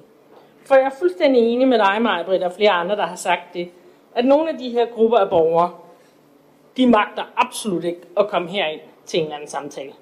Og det kan jeg godt forstå. Og som også Diana siger, så det skal vi have gentænkt, og det ligger i planen. Og måske vi allerede skulle tage hul på det ved så at diskutere, om vi overhovedet skal kalde det rådhus. Så vidt jeg ved, så ligger der faktisk ikke øh, en, en lovbestemmelse om, at vi skal have et rådhus. Fordi et rådhus er jo et ord, der bygger på, at det er rådets hus. Men det er jo i virkeligheden borgernes hus. Vi er her for borgernes skyld. Alle vores medarbejdere er her for borgernes skyld, og så har han lige fået, fået flyttet det over, kan jeg godt se. Altså, så måske vi skulle overveje at kalde det borgernes hus, i stedet for rådhuset. Det var bare lige en tanke, jeg skal nok lade være med at stille et ændringsforslag, så vi ikke behøver at stemme om det også. Øh, men Tak så ikke mindst på grund af den fremskredne, det fremskredne tidspunkt, øh, så øh, kan vi håndtere den øh, del en anden gang. Så er det mig, hvordan der er igen. Jeg vil sige, det var ikke min hensigt øh, at øh, glide lidt hen over det, men øh, det er da heller ikke, fordi jeg ikke står ved de budgetaftaler, vi selv er med i. Det er jo mere, at under budgettet, ja, vi drøftede nogle ting, men der blev aldrig sat navnsnævnelse på, hvad det er for nogle tilbud, der skulle rykkes rundt på. Det har vi så fået syn for sagen her, og det kan vi ikke bakke op om. Vi synes, man skulle arbejde med nogle alternativer øh, til det her, og det, øh, da man blev præsenteret for fire modeller, må ikke der var en 5-6 stykker, hvis det endelig var, man, man kiggede lidt dybere i det her. Men øh, ja, jeg tager til efterretning, hvad I siger. Jeg stemmer stadigvæk imod. Tak, så er det Hans K. Sønderby. Ja, jeg kan forstå, det er en sag, som der var, vores sagsfremstillingen var i Vestkysten i går. Øhm, jeg kender intet til det, og, og jeg er forbavset over, at vi får sådan en sag på her. Det er, jeg, jeg synes ikke i den periode her, jeg har oplevet sags håndtering på, som har været så, så forkert som den her. Jeg stemmer imod, fordi jeg, jeg aner ikke, hvad der er op og ned i det. Det er muligt, at jeg kan gå ind for det, hvis jeg, hvis jeg fik lejlighed til at studere det nærmere. Det har jeg ikke fået. Tak for det. Så er det John Snedegaard. Ja, tak. Jeg, jeg misunder øh, bestemt ikke de af mine byrådsmedlemmer, som ikke sidder i økonomiudvalget, at de med så kort varsel skal behandle en sag af den her kaliber på dagens øh, byrådsmøde. Øhm, det, det, det er jo heller ikke meningen, at den skulle være behandlet. Øh, men det sker selvfølgelig i konsekvens af den meget udmærkede mindretalsbeskyttelse, og ret, som Majbrit har, som Susanne har benyttet sig af, og som vi også har benyttet os af. Og det er sådan set et vilkår. Normalt vil det så ske på det efterfølgende øh, byrådsmøde, så man også har haft mulighed for at kunne sætte sig mere ind i sagen. Det, var, det, var, det har øh, Diana øh, meget grundigt redegjort for, at det var der simpelthen ikke mulighed for, fordi det her, det drejer sig om, at øh, vi skal kunne fastholde muligheden for at tiltrække vigtige arbejdspladser til Esbjerg Kommune. Og det kan vi ikke sjakre med. Derfor blev vi enige om undtagelsesvis at tage det med øh, på, på dagens øh, byrådsmøde. Det er en sag, som, som dybest set, og som både Jesper og andre har været inde på, som jo er en konsekvens af en budgetforhandling, som skulle udmyndtes.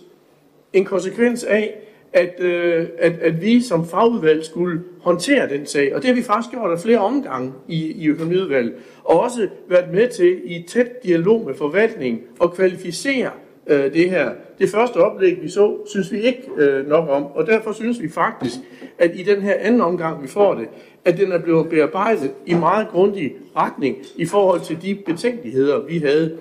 Øh, S og SF øh, var meget optaget af, at der skulle findes en løsning, som kunne i høj grad tilfredsstille det ganske udmærkede høringssvar, der kom fra hånd om familien og også fra familiecenter i den her sammenhæng.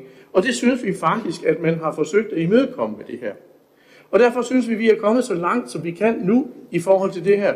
Og derfor er vi klar til sammen med en række andre at sige ja til den her indstilling. Og det er helt legitimt, at øh, de konservative ikke er enige i det. Men det er så derfor, at vi har det nu. Min forventning var, at vi med den indstilling, der lå i dag, og med den, den redegørelse, der lå, at der kunne vi som enige økonomiudvalg nikke til sagen. Det kunne vi så ikke, det er fair nok, det er sådan, det er. Men det er derfor, vi, vi står i den her lidt akavet situation. Tak for det. Så er det Nini Åben.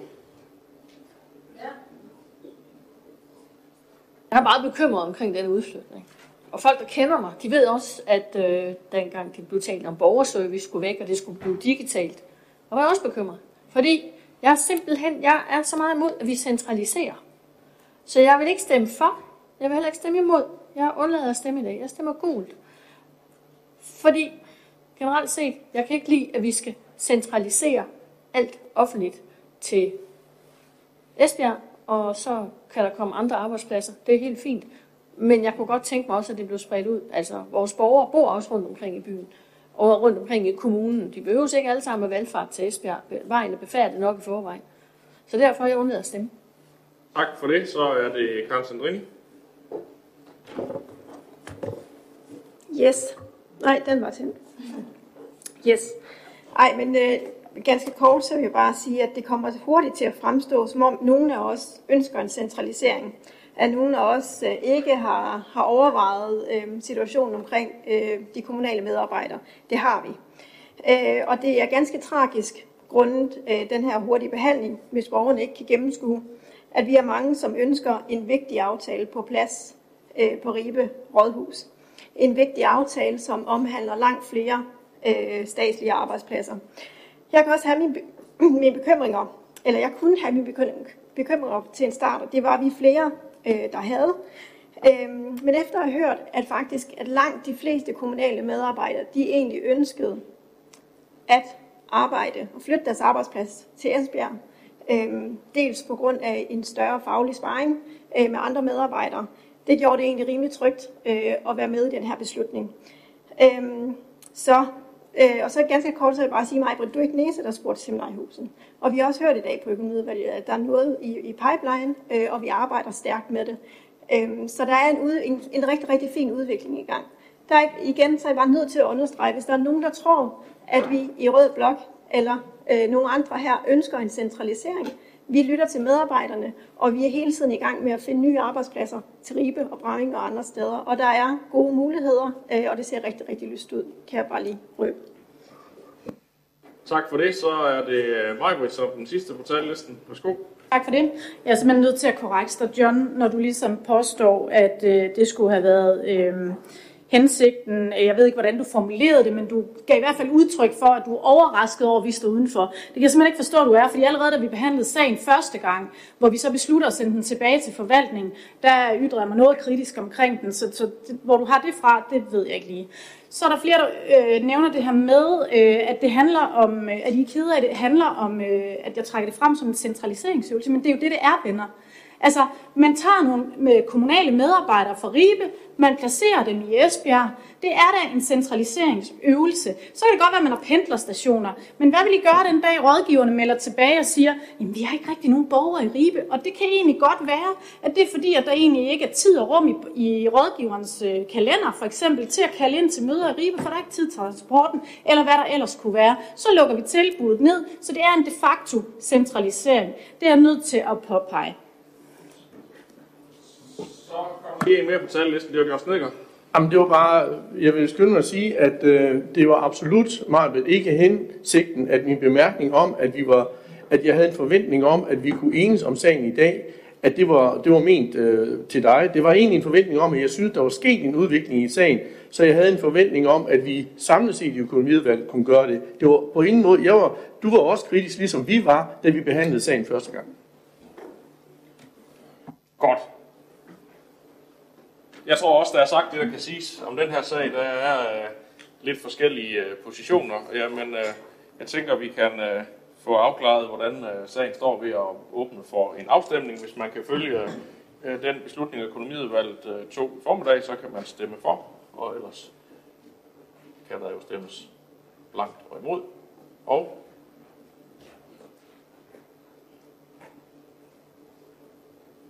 det lykkes lige så stille at få samlet alle. Der mangler lige et par stykker endnu. Så tror jeg, vi kan tælle til 31. Det kan vi. Der er 27, der stemmer for. En undlader at stemme, og tre stemmer imod, og dermed er sagen godkendt. Og det var faktisk afslutningen på den. Undskyld, du bad om at få sagt uh, en mindre så det er fair. Uh, mig, uh, eller Anne-Marie. Vil du, uh, vil du have lov til at sige den, så kan du lige så sent, at vi ikke finder, at vi kan nå at give den en seriøs politisk behandling. Det er fint. Det er, øh, vi er noteret. Vi øh, siger dermed tak til jer, der holdt ud og så med. Det var afslutningen på den åbne del af mødet.